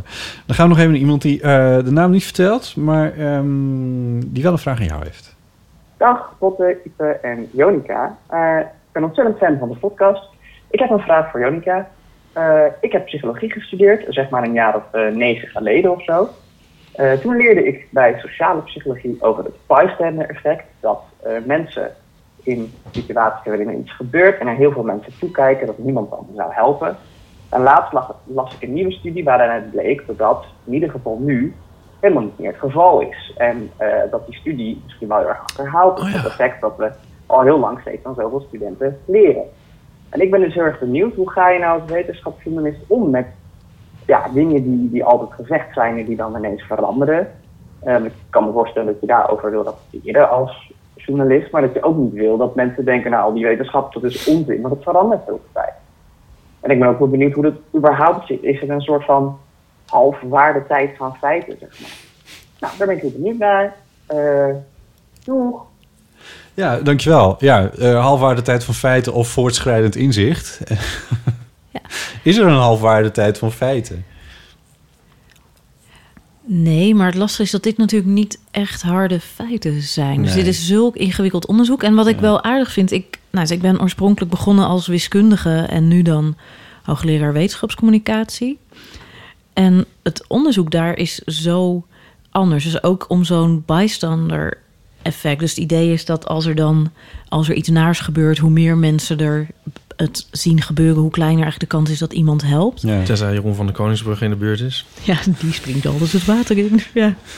Maar, het, ehm, maar dat is natuurlijk een heel lastig effect om te meten. Het is veel Ja. minder hard dan een wiskundig bewijs. Het is ook minder makkelijk te controleren dan een deeltjesversneller experiment. Hoewel dat ook natuurlijk heel ingewikkeld is. Maar al die dingen, ehm, ja, het, het is heel, heel tricky. En wat mij ook wel eens verbaast van... Nee, tricky is sociale, sociale fenomenen veranderen gewoon over tijd. Die kun je alleen, je kan zeggen van dat bystander effect heeft zich voorgedaan, dan en dan en dan en daar met dit in dit specifieke onderzoek. Ja, maar ik geloof ook dat het hele waar het op gebaseerd is, is volgens mij zo'n eh, heel beroemde verkrachting die allemaal mensen zagen te gebeuren waar niemand iets deed. Maar dat verhaal blijkt ook helemaal niet te kloppen. Er waren wel degelijk mensen die iets deden Ja, en hadden veel minder mensen het gezien dan ze dachten. Dus het is allemaal heel lastig hoe je dat doet. Dus wat volgens mij interessant is, is om heel erg te kijken naar, naar hoe je dingen onderzoekt en hoe je het brengt. Dat je ook laat zien hoe sterk je bewijs is. ja, En niet eh, sterker doet dan het ja. is. Dus dat is. ehm, en dat is heel lastig, want het is natuurlijk veel lekkerder om iets te zeggen. Nou, het zit zo en zo. Dan te zeggen Ja. van nou, we denken dat het zo en zo zit, maar alleen onder deze omstandigheden en misschien ook niet. Maar ja Nee, het is wel een strip trouwens. De bystander effect. Kunnen we natuurlijk een heel goede strip over maken. ja, Dat wij dat staan te de- delibereren. En op het laatste plaatje dan blijkt er al die tijd iemand in het te water te, verzuipen. liggen. oh ja, oh, ik dacht dat iedereen ons wil komen helpen omdat we zo zullig zijn. Oh ja, dat kan ook. Ja. ja. ja. Nee, en het is Nee, wel, want je hebt nu natuurlijk tegenwoordig ook best wel veel eh, van die replicatiestudies inderdaad. ja. Maar dan zie je ook wel eens... Of heb ik dit... Ik krijg ineens voor déjà vu dat ik me afvraag... of ik dit de vorige uitzending heb verteld dat ik er was. Oh. Want dat ik zo grappig vind dat er dan soms mensen zeggen van... ja, ehm, het herhaalde zich nu niet.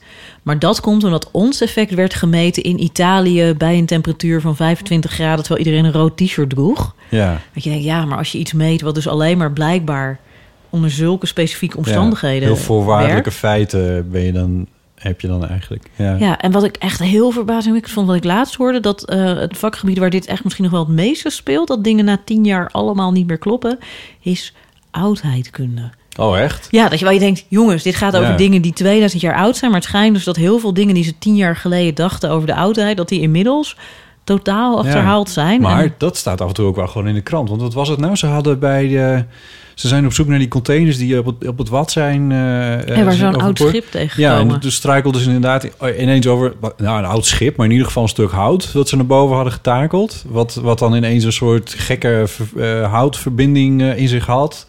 Eh, maar eh, eh, met datering van wanneer dat... van hoe oud dat hout dan was... waren ze erachter gekomen dat dit de oudste vorm... van die manier van een, eh, van een, een scheepswand maken is... Nou ja, ik, ik citeer even uit mijn hoofd, maar... eh, eh, waardoor die, die hele wetenschap van wanneer is die techniek ontwikkeld... moest worden bijgesteld. Nou, dat is eerder gedaan. Ja, en dat schijnt dus inderdaad heel veel te gebeuren. En zeker omdat Ja. de laatste jaren natuurlijk veel meer met DNA-technieken en betere dateringen gedaan kan worden. Dat heel veel theorieën Ja, niet meer kloppen. Dus ja, ik weet ook niet zozeer nou ja... of dat nou heel erg mensen wantrouwen geeft in de wetenschap. Ja, maar dit vind ik dus een interessante vraag. Want er, eh, hoe zeg je dat? Het verhaal van de Bijbel wordt nooit bijgesteld. Hm. Nee, maar dat is dan ook geen wetenschap. Nee, maar... Ik bedoel, het is, het, is, het is paradoxaal dat als je je, je je verhaal aanpast zeg maar, aan nieuwe bevindingen... dat het dan minder geloofwaardig zou worden. Terwijl dat zou natuurlijk de geloofwaardigheid... Ja, maar je- Maar ik vind dat ook heel erg net bij politici. Ja. Dat er soms als een verwijt wordt gezegd... ja, tien jaar geleden zei hij zo... Ja, en nu precies. zegt hij ineens Ja. dit. Ik denk, ja, er zit tien jaar tussen. Dat lijkt me juist een enorme pre... als je dan in de Ja. tussentijd hebt Ja. nagedacht en ja, maar denkt... dit, is ook, dit hoor je dus heel vaak inderdaad ook over politici... Die, die- dat ze zeggen van ja, aan de linkerkant van het spectrum... zie je dat veel politici toch regelmatig hun mening een beetje bijstellen. Terwijl op rechts het vaak veel meer gewoon recht door zee eh, wordt gesteld. eh, ongenuanceerd. Ja, ik weet niet, aan de, aan de, aan de meer aan de, echt aan de hele linkerkant heb je dat ook wel trouwens. Maar goed, mensen die, eh, die heel erg twijfelen aan, eh, aan, aan, werkelijkheden en zo. De complottheorieën, dat in die, hoe heet die mensen weer? Complottekers en, en in die, die categorie.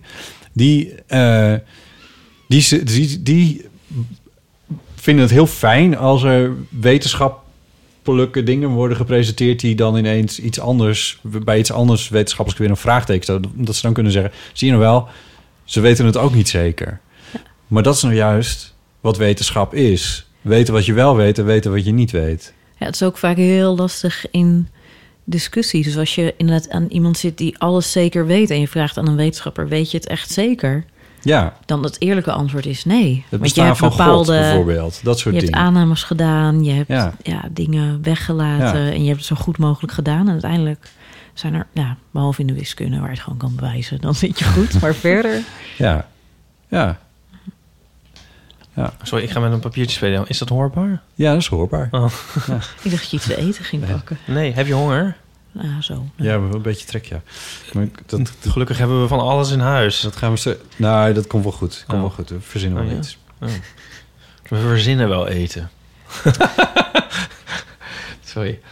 Ehm, is dit alles wat we over die... eh, Nou, misschien wel goed om te zeggen. Dus dat, dus de vraag was eigenlijk ook vooral hoe ik dat als wetenschapsjournalist zie. Ik ben natuurlijk niet echt een wetenschapsjournalist. Ik schrijf columns, wat toch weer een ander metier is dan echt een journalist zijn die een soort waakhond moet zijn van de wetenschap. En ik denk dus dat wat je ook best wel veel ziet, vind ik bij goede wetenschapsjournalisten, ehm, dat er heel erg gek wordt van hoeveel waarde hecht je aan bepaalde dingen. Dus inderdaad, als iets een heel grondige studie is over jaren heen, die een vermoeden bevestigt wat er al heel lang was, dat je dat veel groter neer moet zetten dan dat je allerlei dingen hebt gemeten en toevallig zag je een effectje en nou, dat zal wel iets betekenen. ja. En eh, dat ook iemand van de week een heel grappige tweet, eh, statisticus, dat je heel vaak wetenschappelijke studies ziet die dan bepaalde beperkingen van hun studie noemen, maar vervolgens in hun conclusies die beperkingen totaal negeren. Het voorbeeld wat hij, van de, eh, wat hij gaf was Maarten van der Smeden. Die zei... ehm, nou, onze studie laat eh, duidelijk zien dat boterhammen met pindakaas ervoor zorgen dat je langer leeft. Ja, de beperking van deze studie is dat we geen enkele data hebben die dit ondersteunt. Maar desalniettemin zijn onze conclusies heel belangrijk voor beleidsmedewerkers om hier wat mee te gaan doen. Ja, Je denkt, ja, dat soort, ja.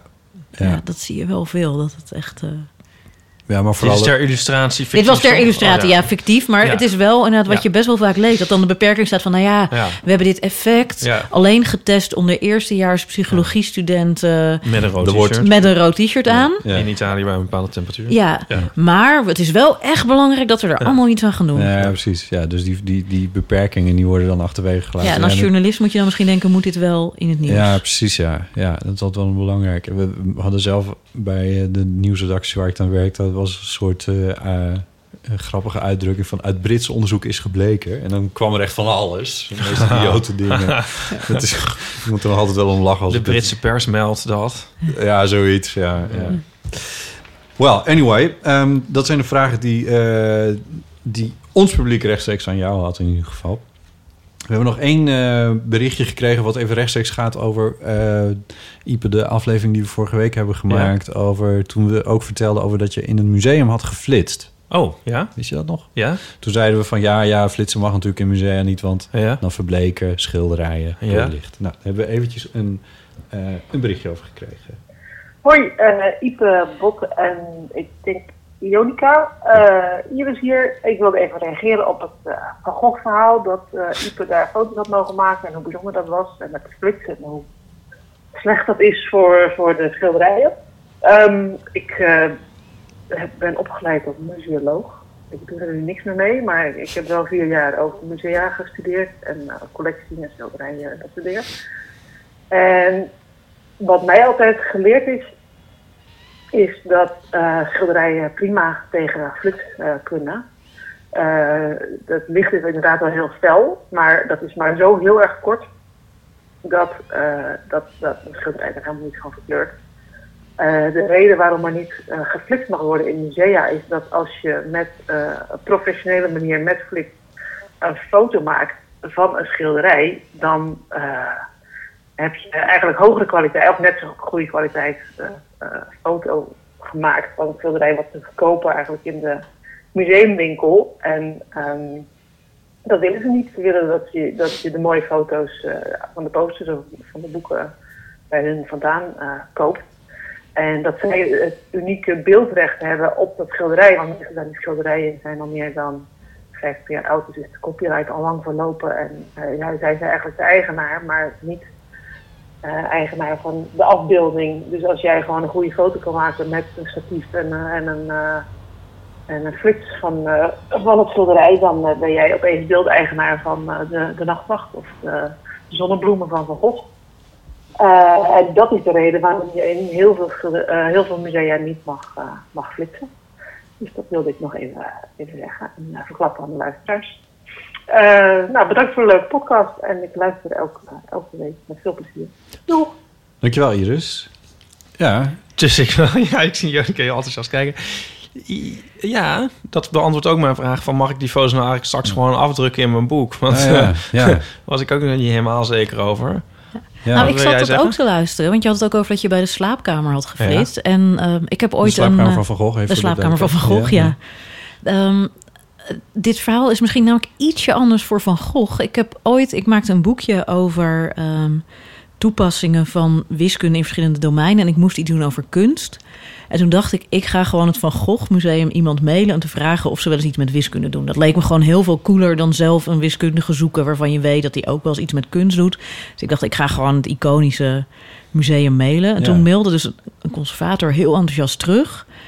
Ehm, en het blijkt dus dat eh, bijvoorbeeld de slaapkamer is heel erg verkleurd ten opzichte van hoe het was toen Van Gogh het maakte. Dus hij omschreef het ook in brieven als een schilderij met heel veel paars. Terwijl als je het nu ziet is het meer, Geel. meer geel en blauw. Ja. En ehm, zij maken dus reconstructies van hoe het eruit gezien moet hebben. En juist bij Van Gogh, die gebruikte goedkope fabrieksinkt. Dus bijvoorbeeld Rembrandt, de nachtwacht, dat was met zelfgemengde verf. En die heeft Ja. zich heel goed gehouden. En na Van Gogh had je betere fabrieksinkt, die heeft zich ook goed gehouden. En maar net in zijn tijd was het dus heel slecht spul. Oh, ja. En ze hebben dus helemaal gereconstrueerd ehm, hoe de kleuren er oorspronkelijk uitzagen van, dus de slaapkamer.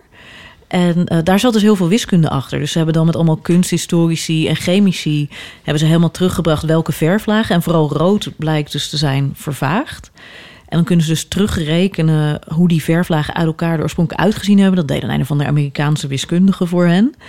En het is heel tof. Eh, die foto's, als je dat dan ziet, dus hoe het vroeger was... dan is het inderdaad echt een ander schilderij. En ze hebben toen ook uitgerekend als ze het lieten hangen met het licht waarin het destijds hing in het Van Gogh Museum, hoe het over 100 jaar uit zou zien. Dan zou het echt extreem vaal zijn. Oh. En daarom is ook de belichting aangepast. Dus bij, Ja. volgens mij bij, ik weet niet of flitsen dan heel erg veel erger is, maar echt, eh, daar hebben ze dus minder licht op en Ja. echt ook Ja, minder openingstijden. Ja. En wat ook, wat ik heel eh, Ja, het is sowieso vrij donker in het museum. Ja, ja. maar dat is dus juist omdat Ja, daar dus ja. al die dingen anders echt vervagen. En wat ook wel ehm, mooi is, vind ik, aan in Nederland wonen... dat is het Van Gogh laat het helemaal zien. Dus er waren ook, ik weet niet of het nog steeds is... maar iPads waarop je dat dan kon zien.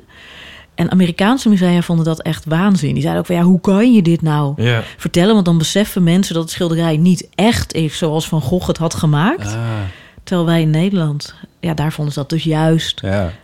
Een soort het goede, eerlijke zo? verhaal. En, ja, eh, precies. Ja, het ja. eerlijke verhaal, ja. ja. Volgens mij zit dit als onderwerp ook echt letterlijk zes jaar al in, in onze map van mogelijke onderwerpen.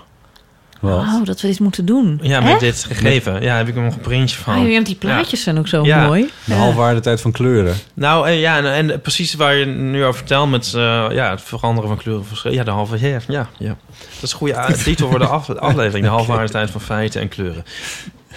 Wat, ehm, ehm, Je kan het natuurlijk ook voor de eeuw doen, de halfwaardetijd. Na hoeveel tijd eh, trek je nog steeds de helft van het oorspronkelijke aantal luisteraars? dat je kijkt hoeveel er binnen een week luisteren... en hoe lang het duurt voordat je daar de helft van nog eens hebt bereikt. oh ja, maar we, ons, die stijgen dus alleen maar. Ja, we hebben dus nu... Het groeit exponentieel. Ja. Maar, Maar, ook met eh, oude afleveringen? Nee, dat weet ik niet. Ja, ja, die worden ook nog steeds beluisterd. Ja. Maar nog even over de, het fotograferende museum. Want ehm, ik dus wilde de, eh, een, een paar figuranten manen van... jullie mogen ook wel wat doen. Bijvoorbeeld een fotootje maken met je telefoon of zo. En toen zei het meisje van Van Gogh van... ja, dat... mm, weet niet of, of, of het moet stroken met de werkelijkheid... maar je mag dus hier niet fotograferen, ook niet met de telefoon.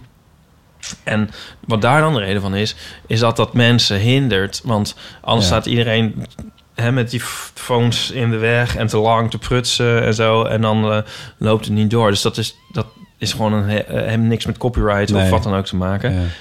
Maar jij kan nu dus wel inderdaad jouw foto's... Ja, kan je ook kroppen met al dat schilderijen. Dan kan je daar nu miljoenen aan gaan verdienen. nou.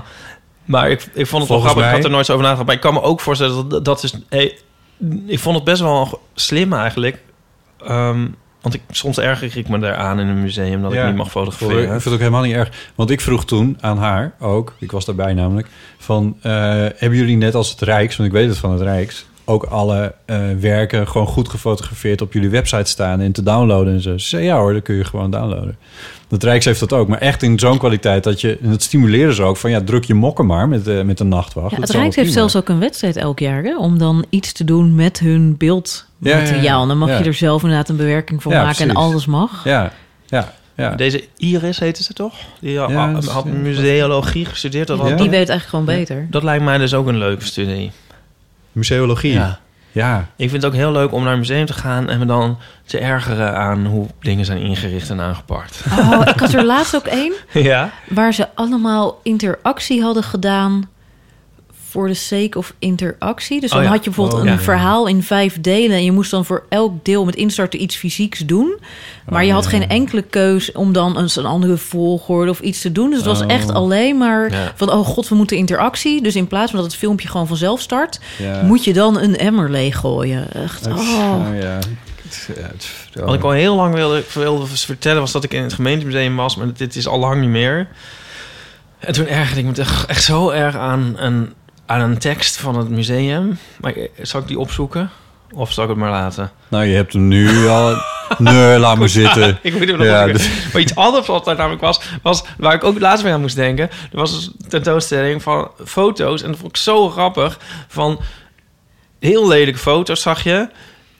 En toen bleek, de verklaring was dat de maker... die had gevraagd naar mensen van... wat is nou de meest so- soort stomzinnige foto op je telefoon? Oh, Die er zo net gemaakt. Dat is toch superleuk? Dat is heerlijk. En die waren dus daar tentoongesteld. Maar dan komt het weer, museologie.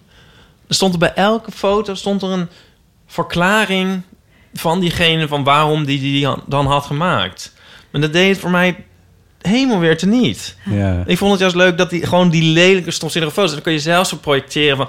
waarom zou die gemaakt zijn? Weet je wel, wat kan het zijn? En dan Ja. kreeg je eigenlijk eh, twaalf keer of zo... hetzelfde soort verhaaltje van... ja, dat, dat- omdat ik voor Marktplaats of zo... of omdat ik de, wilde kijken hoe het ten opzichte van de dingen... Weet je wel, er was er allemaal wel een reden voor. Ik vind andersom ook wel eens... Ook net als er een goed bijschrift is, dat Ja. het heel leuk is. Ik weet dat Boymans, die had op een gegeven moment ook tijdexpositie... en daar hing dan ook een of ander heel abstract kunstwerk... met dan een heel rare titel. En er was ook geen bordje iets van... ja, en wat, wat bedoelt hij nou weer met die titel? Lijkt wel of hij ons gewoon een beetje zit te fucken ermee. Stond dat erbij? Nou, ik weet niet letterlijk fucken, maar wel Ja. echt zo'n soort toon. Dat iemand gewoon dat bordje zat te typen... dat je echt, oh, hier heeft Ja. iemand het echt helemaal gehad met Ja, deze kunstenaar. Ja. Ja, dat, ik vond dat wel dat weer opbeurend. Ja, ja. Ja, ik heb hem hoor. Oh, Wat Ja. heb je precies? uit het gemeentemuseum. Ja, bij het gemeentemuseum. Musea zijn een 19e eeuws idee... ontstaan vanuit de wens de bijzonderheden uit de wereldgeschiedenis bijeen te brengen... aanhalingstekens tot lering en de vermaak. Het ideaal was het zogenaamde encyclopedische museum... met een collectie die aan zo goed als alles tijden en stijlen aandacht schonk. Dit megalomane idee staat tegenwoordig onder druk... en een chronologische encyclopedische indeling in stijlen lijkt, lijkt achterhaald. Denk je van nou, eerst dat vind megalomaan vind ik wel echt wel een heel erge aantijging. En dan ook, maar dan, en dan is het vervolgens weer lijkt achterhaald. Ja, We weten ja. niet helemaal zeker of het idee van megalomaan is. De geschiedenis wordt niet langer beleefd als een opeenvolging van gebeurtenissen waar één waarheid met hoofdletters over verteld kan worden. Wow, wow, wow. Ja. Oké. Traditionele musea gaan nog wel uit van een aaneenschakeling van stromingen. Bla, bla, bla. In het gemeentemuseum Den Haag willen we zo'n overzicht niet geven. Wie toch een samenhang in de collectie wil, wil zien, zal merken dat veel werken visionaire, poëtische en menselijke kenmerken bezitten. Door onze topstukken op een andere manier te combineren en daarbij niet zozeer in stromingen te denken, maar bijvoorbeeld meer in lijnen van beïnvloeding, ontstaan nieuwe verbanden. Oh, sorry. Dat hoeft lang niet altijd een clash te geven, maar kan ook een welluidende samenzang met verrassende inzichten opleveren. Denk ik, wie We is hebben ze daar nou- op een stapeltje gegooid. Wie is hier nou Eh, megalomaan? Check het me even. Wie is hier nou megalomaan? Maar dit is, ook, weet je, dit is ook als er dan een themanummer is... en dan komt er een gastcolumnist die normaal niet kan schrijven... en die dan ook begint met... Nou, het thema is volgens Van Dalen het volgende. Ja. Dat is dit toch? Je gaat dan een Ja. soort suffe definitie van een museum opzoeken. En, Ja, maar oh. het is zo, zo van de hele geschiedenis van, van de museologie... die kraken we af en doen we af als megalomaan. Ja, en ja. wij, wij hebben nu Wij wel hebben uitgevonden hoe het moet. Ja, ja, ja, ja. come on. En ik, op zich vind ik het niet zo gek dat je hè, wat anders probeert en zo. En dat mag allemaal. Je kan het ook Ja. nog een soort van verantwoorden. Maar dit is toch wel echt, nee, echt heel erg over de top, toch? Dit stoot me echt tegen de borst. Je, ja, nou, je moet ook heel selectief zijn met het lezen van tekst in musea, laten we wel wezen. Want het, het, is, het is vaker... eh, Nou ja, je Dat- kan er dus wel van genieten. Want hier ben ik al ma- maanden ben ik me hier al over aan het op. oh ja. ja. Oké. Ja. T. eh, T. oh, waarom wil je ons je- succesnummer? Hoe moeten we die mokken verzinnen als we nooit onze rubriek doen? Verzinnen, zei ik dat? Verkopen als we nooit onze doen.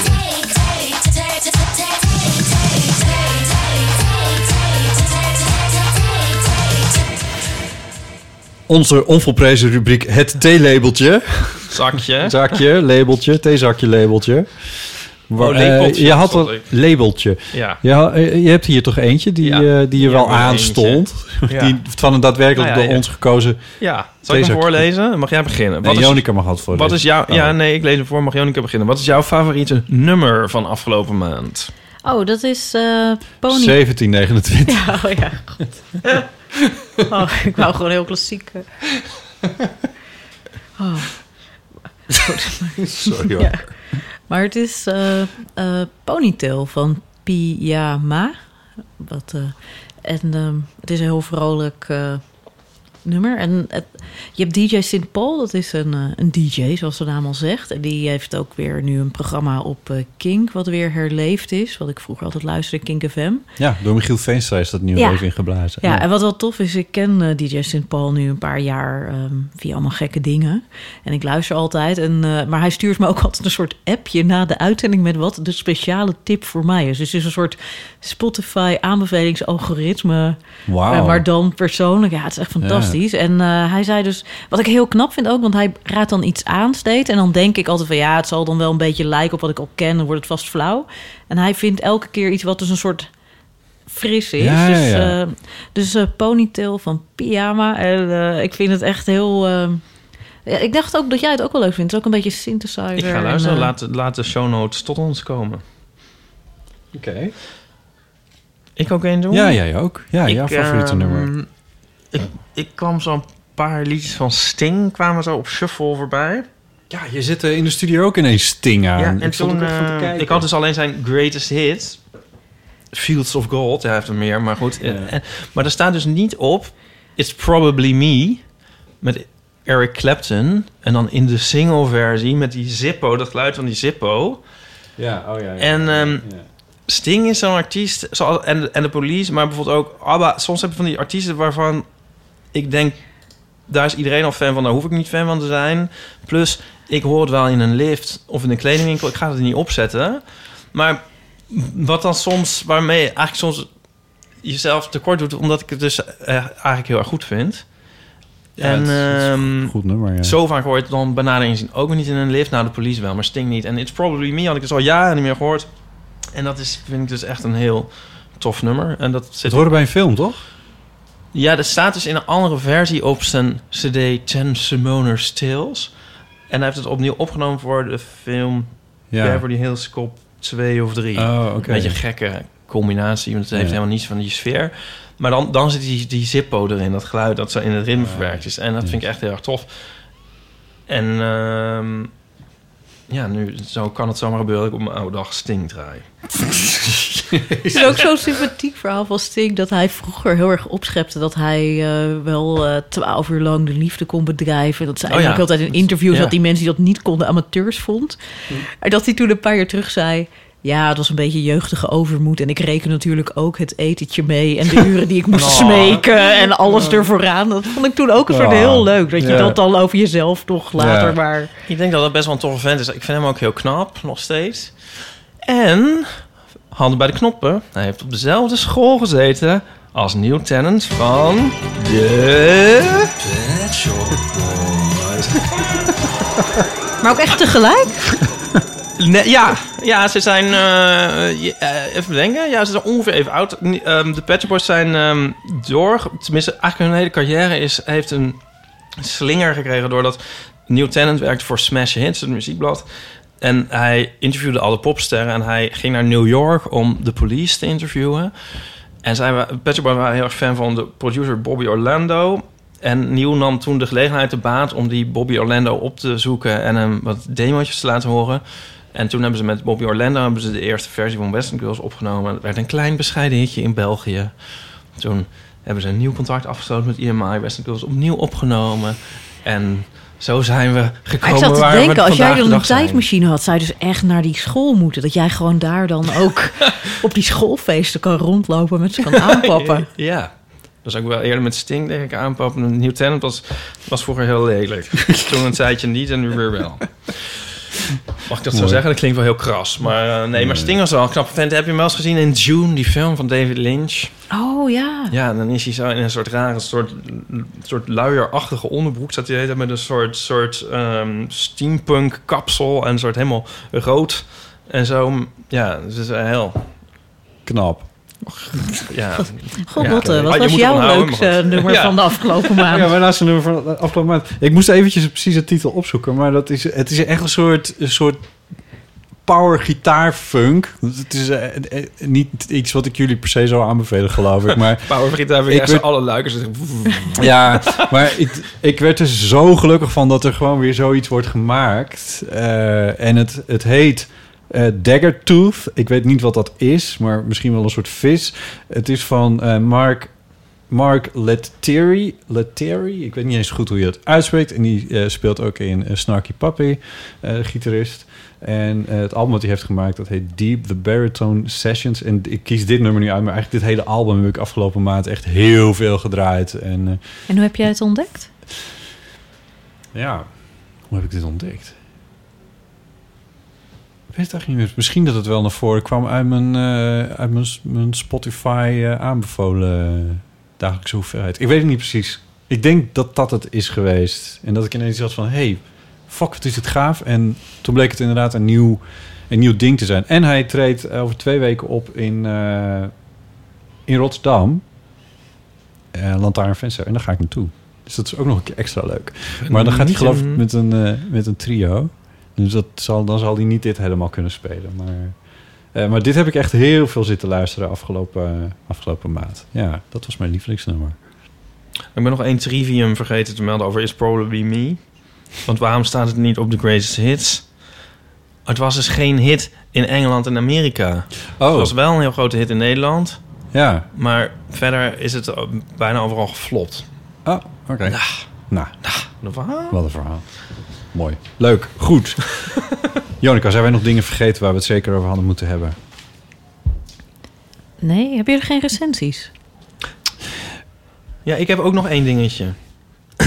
De winnaar van ehm, de verloting van het verkeerd gesigneerde boekje. Oh ja. Iep Ja. had bij zijn vorige, in de vorige aflevering eh, hadden we het over Roomies. Zijn nieuwe album wat hij begonnen was te signeren met grr, Ja, CHR. alweer een boek voor grr. En ehm, uit de vele inzendingen heb ik gekozen. Ja.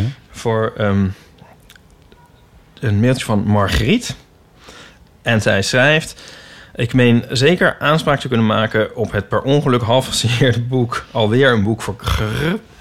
Want toen ik zo'n jaar of acht was... en mijn oudste zus, die vijf jaar ouder is dan ik... op mij mocht passen omdat onze ouders een afspraak hadden... gebeurde het volgende. Mijn zus vertelde, vertelde me dat ik naast Margrita Harmke... ook nog Chrisje heet. ik schrok er erg van en schijnbaar ben ik in tranen uitgebarsten. Maar ik hoorde pas de volgende ochtend van mijn ouders dat het een grap geweest was. nu, jaren later, kan ik er erg om lachen en word ik nog vaak Chrisje genoemd. Ah. Dus kom maar op met dat boek. Oh, ja. oh, Ipe, wil je mij één plezier doen? Wil je dan, zeg maar, wat je al geschreven hebt... vervolgen, alweer een boek en dan voor Chrisje... maar dan met een andere pen verder gaan? Oh, is dat beter? Dat is Ja, wel leuk dat je dan nog een beetje de... Ja, Ja. Oké, dat kunnen we doen. En ze schrijft ook nog iets wat ook nog op de uitzending betrekking had. In de uitzending las Botte ook de brief van Geeske voor. Maar dat heb ik al vaak gedacht dat ik Geeske een keer zou willen ontmoeten. Als ik hoor hoe lang ze getrouwd is, denk ik dat we beiden ongeveer even oud zijn. En mogelijk de oudste luisteraars van de Eeuw van de Amateur. ik ben 67 en ik ben heel benieuwd wie de oudste luisteraar Oh. is. Ik hoorde dit laatst op eh, Slam FM. Daar hadden ze ook dan een oproep gedaan om te kijken wie de oudste luisteraar van Slam FM was. Ja. En uiteindelijk was er dan ook een vrouw, maar toen noemden ze niet haar leeftijd. Dus Oh. je kreeg wel door dat ze kleinkinderen had. Maar ze zeiden niet hoe oud ze was. Maar ik vind het wel, hoe oud zou jullie oudste luisteraar zijn? Ja, dat, dat eh, mogen mensen dus eh, wie biedt, zullen we zeggen. Hoe jong is onze jongste luisteraar? Vind ik ook een leuke. Oh ja, nou allebei dan toch? Ja. En wie zit op de meest exotische locatie? Want jullie hebben ook wel eens mensen inderdaad die uit een ver buitenland eh, inbellen. Zeker, dat is ook een goeie. Ja. Nou, als je ons dat wil vertellen... Ja, Ehm, ze gaat overigens nog even door hoor. Oh, Wat heel gek is, is dat ik ook astma heb en vaak een pilletje inneem voor een concert codeïne. Dus dat was een, Dat- nog dat even had Keeske dus herhaling. Ja, en ook ik sleep overal een flesje water met me mee. En dan nog voor botten. Wel een dilemma voor je, die toestand met je gebit. oh ja. Denk je niet dat je mooie radiostem erdoor beïnvloed kan worden? Daar heb ik naar geïnformeerd. Dat lijkt me ook een punt van overweging. Ja. Second opinion. Ik wens je hoe dan ook veel sterkte met de beslissing. Ja. Dat was een gek moment. Ik zat bij de orthodontist en toen eh, zei ik... ja, dit, is, eh, dit klinkt heel gek. Ik weet niet zo goed hoe ik het moet formuleren... maar ja, ik verdien mijn geld met mijn stem. met praten. En eh, ik zei, in hoeverre ga ik hier nou last van hebben? Het is, een, het is verwaarloosbaar. Dus, eh, ja. Ja. Anyway. Eh, ja, second opinion. Ja, heb ik ook over nagedacht. Maar ja, I don't know. Doe maar gewoon, Ik, hè? ik, ja, jij zegt steeds dat ik het gewoon moet doen. Ja, maar je hebt zoveel verschil tussen wat medisch noodzakelijk is en wat Oh, qua... maar medische noodzaak is er niet. Nee, maar wat... Ja, waarom wil je dat? Ja, ik heb ook mijn tanden recht laten zetten een jaar of acht geleden. En toen zat er ook een eh, draadje achter om ze dan goed te houden. Maar het is op een gegeven moment uitgevallen. En nu staan ze weer een beetje scheef. En ik vind het eigenlijk wel prima. Hier, nu laat je het zo. Ja. Zien? Ja, maar die jouw tanden staan Ja, niet staat- echt super staat scheef. een- Nee, maar bij jou toch ook niet Jawel, extreem? deze staat er echt wel serieus naar voren. Ja. Maar het punt is ook, hij schuift ervoor langs. En het wordt alleen maar erger. Dat gaat, dan, dat gaat niet meer beter worden. ja, maar als het toch geen enkel gevolg heeft. Ik bedoel, als het is dat anderen kiezen... Door weggedrukt worden. Nou, ik, ik kan bepaalde tanden kan ik niet flossen. Dus dat is in zekere zin wel een, eh, een reden, zeg maar. Het is geen medische noodzaak, maar... Maar je kan misschien wel iemand zoeken die inderdaad dan vraagt... niet per se zodat je het best mogelijke witte stralende gezicht uit de Ja. tandpasta-reclames hebt... maar gewoon wat is nou de minimale ingreep die nodig is om Ja, er tegenaan te kunnen? Ook tegen de, aan de orthodontist eh, Ja, goed, ik ga hier ook niet helemaal diep op in. Maar die zei in ieder geval van... Ja, maar er zijn, er zijn eh, kiezen die te ver naar binnen staan... en die moeten toch echt een beetje naar buiten om... En als we dat niet doen, heeft het verder gewoon echt helemaal geen zin. Dus het is ook wel een beetje, een beetje dat of niks. Het punt is, ik moet twee jaar met een beugel lopen... en daar heb ik echt helemaal geen zin in. Ja, ik had wel een tip, maar daar heb jij niks aan. Ik heb het gedaan toen ik zwanger was, want dan gaat het makkelijker... omdat je tanden een beetje los komen te zitten. Maar daar heb je dus niks aan. dat wordt ingewikkeld. Ja. Oh, want ieder kind is een kies, toch? Wat? Dat er bij, je, bij zwangerschap je vaak een kies verliest. Dat is een soort vuistregel. Ja, dat, ik heb het niet verzonnen. Hè. Ik eh, haal gewoon een soort oude volkswijsheid Nee, schud. Jonica. Nou, ja. Eh, ik eh, denk er nog over na. Ik heb nog geen beslissing genomen. Het eh, papieren liggen hier. Dus als je dat wil lezen, Ipe, dan heb je straks een leuke lectuur. Goed. Ehm, stuur je berichten over... God, waar hadden we het nou net over? Oudste en jongste de luisteraars, ver weg. Exotisch, de meest exotische plek. Ehm, stuur berichtjes naar de Eeuwofoon. 06 Oh shit, sorry. 19 90, 68 71. 71. Ik heb hem in mijn telefoon staan gewoon nu, om bij contacten. Ja, dus ik hoef hem niet meer te onthouden.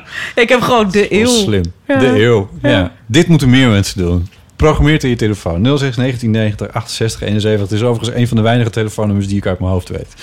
Ehm, Ook als ik dan ooit gearresteerd word en ik mag zo'n één telefoontje plegen... dan kan ik dan eigenlijk wordt alleen de bellen. Of mezelf. Wel heel cool. ja, wel cool. Dat Ja. Botte dat al zo een paar dagen later ook hoort Dat, pas. dat, dat, dat ik de dat een paar dagen later hoor en afspeel in de, in de Ja, aflevering. Ipe is er vandaag niet. Nee, je hoort nu waarom. Ehm, maar goed, Omdat daar ik kunnen... geflitst heb in het Van Gogh. Ja, precies.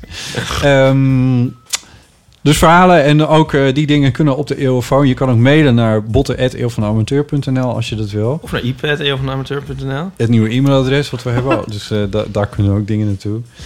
De, de mailtjes over de jongste luisteraar kunnen naar botten.eeuwvanamateur.nl. En de oudste kunnen naar ipad. Nou. En, ehm, en als je leuk vindt om, eh, als je onze afleveringen leuk vindt, dan ben je ook van harte uitgenodigd om daar iets over te schrijven op iTunes. Want die iTunes recensies die helpen ons weer om hoger in dat grote algoritme van iTunes naar voren te komen. Zodat als je dan op shuffle drukt, dat wij hoger komen. Heb ik het nu niet mooi Nou, thuisgebracht? Schitterend. Dankjewel. Thuisgebracht. Goed. Janneke Smeet, hartelijk dank voor je komst. Super leuk om hier te zijn. Zijn er al gasten drie keer geweest? Nee, nee, maar je bent wel in de... Tenminste... Nee. Nee? Ja, Linda zit ik te denken. Nee, Nee. die is ook twee keer geweest. Ja, Joost de Vries. Ja, maar je zit wel in een, eh, in een, eh, een league, een bijzondere league met mensen die twee keer zijn geweest inderdaad. Ja. Ja, echt heel erg bedankt. Jonica Smeets, eh co-auteur van De Verrassende Verjaardagen... en andere nogal logische fotostrips verschenen bij uitgeverij Nieuwe Sites... voor slechts 17,29 nu in de boekhandel. ISBN-nummer. Jij ook weer bedankt, Botten. Oh, wat fijn. Dankjewel. Dankjewel. Dank jij ook bedankt, Type. En eh, tot de volgende keer. Yes.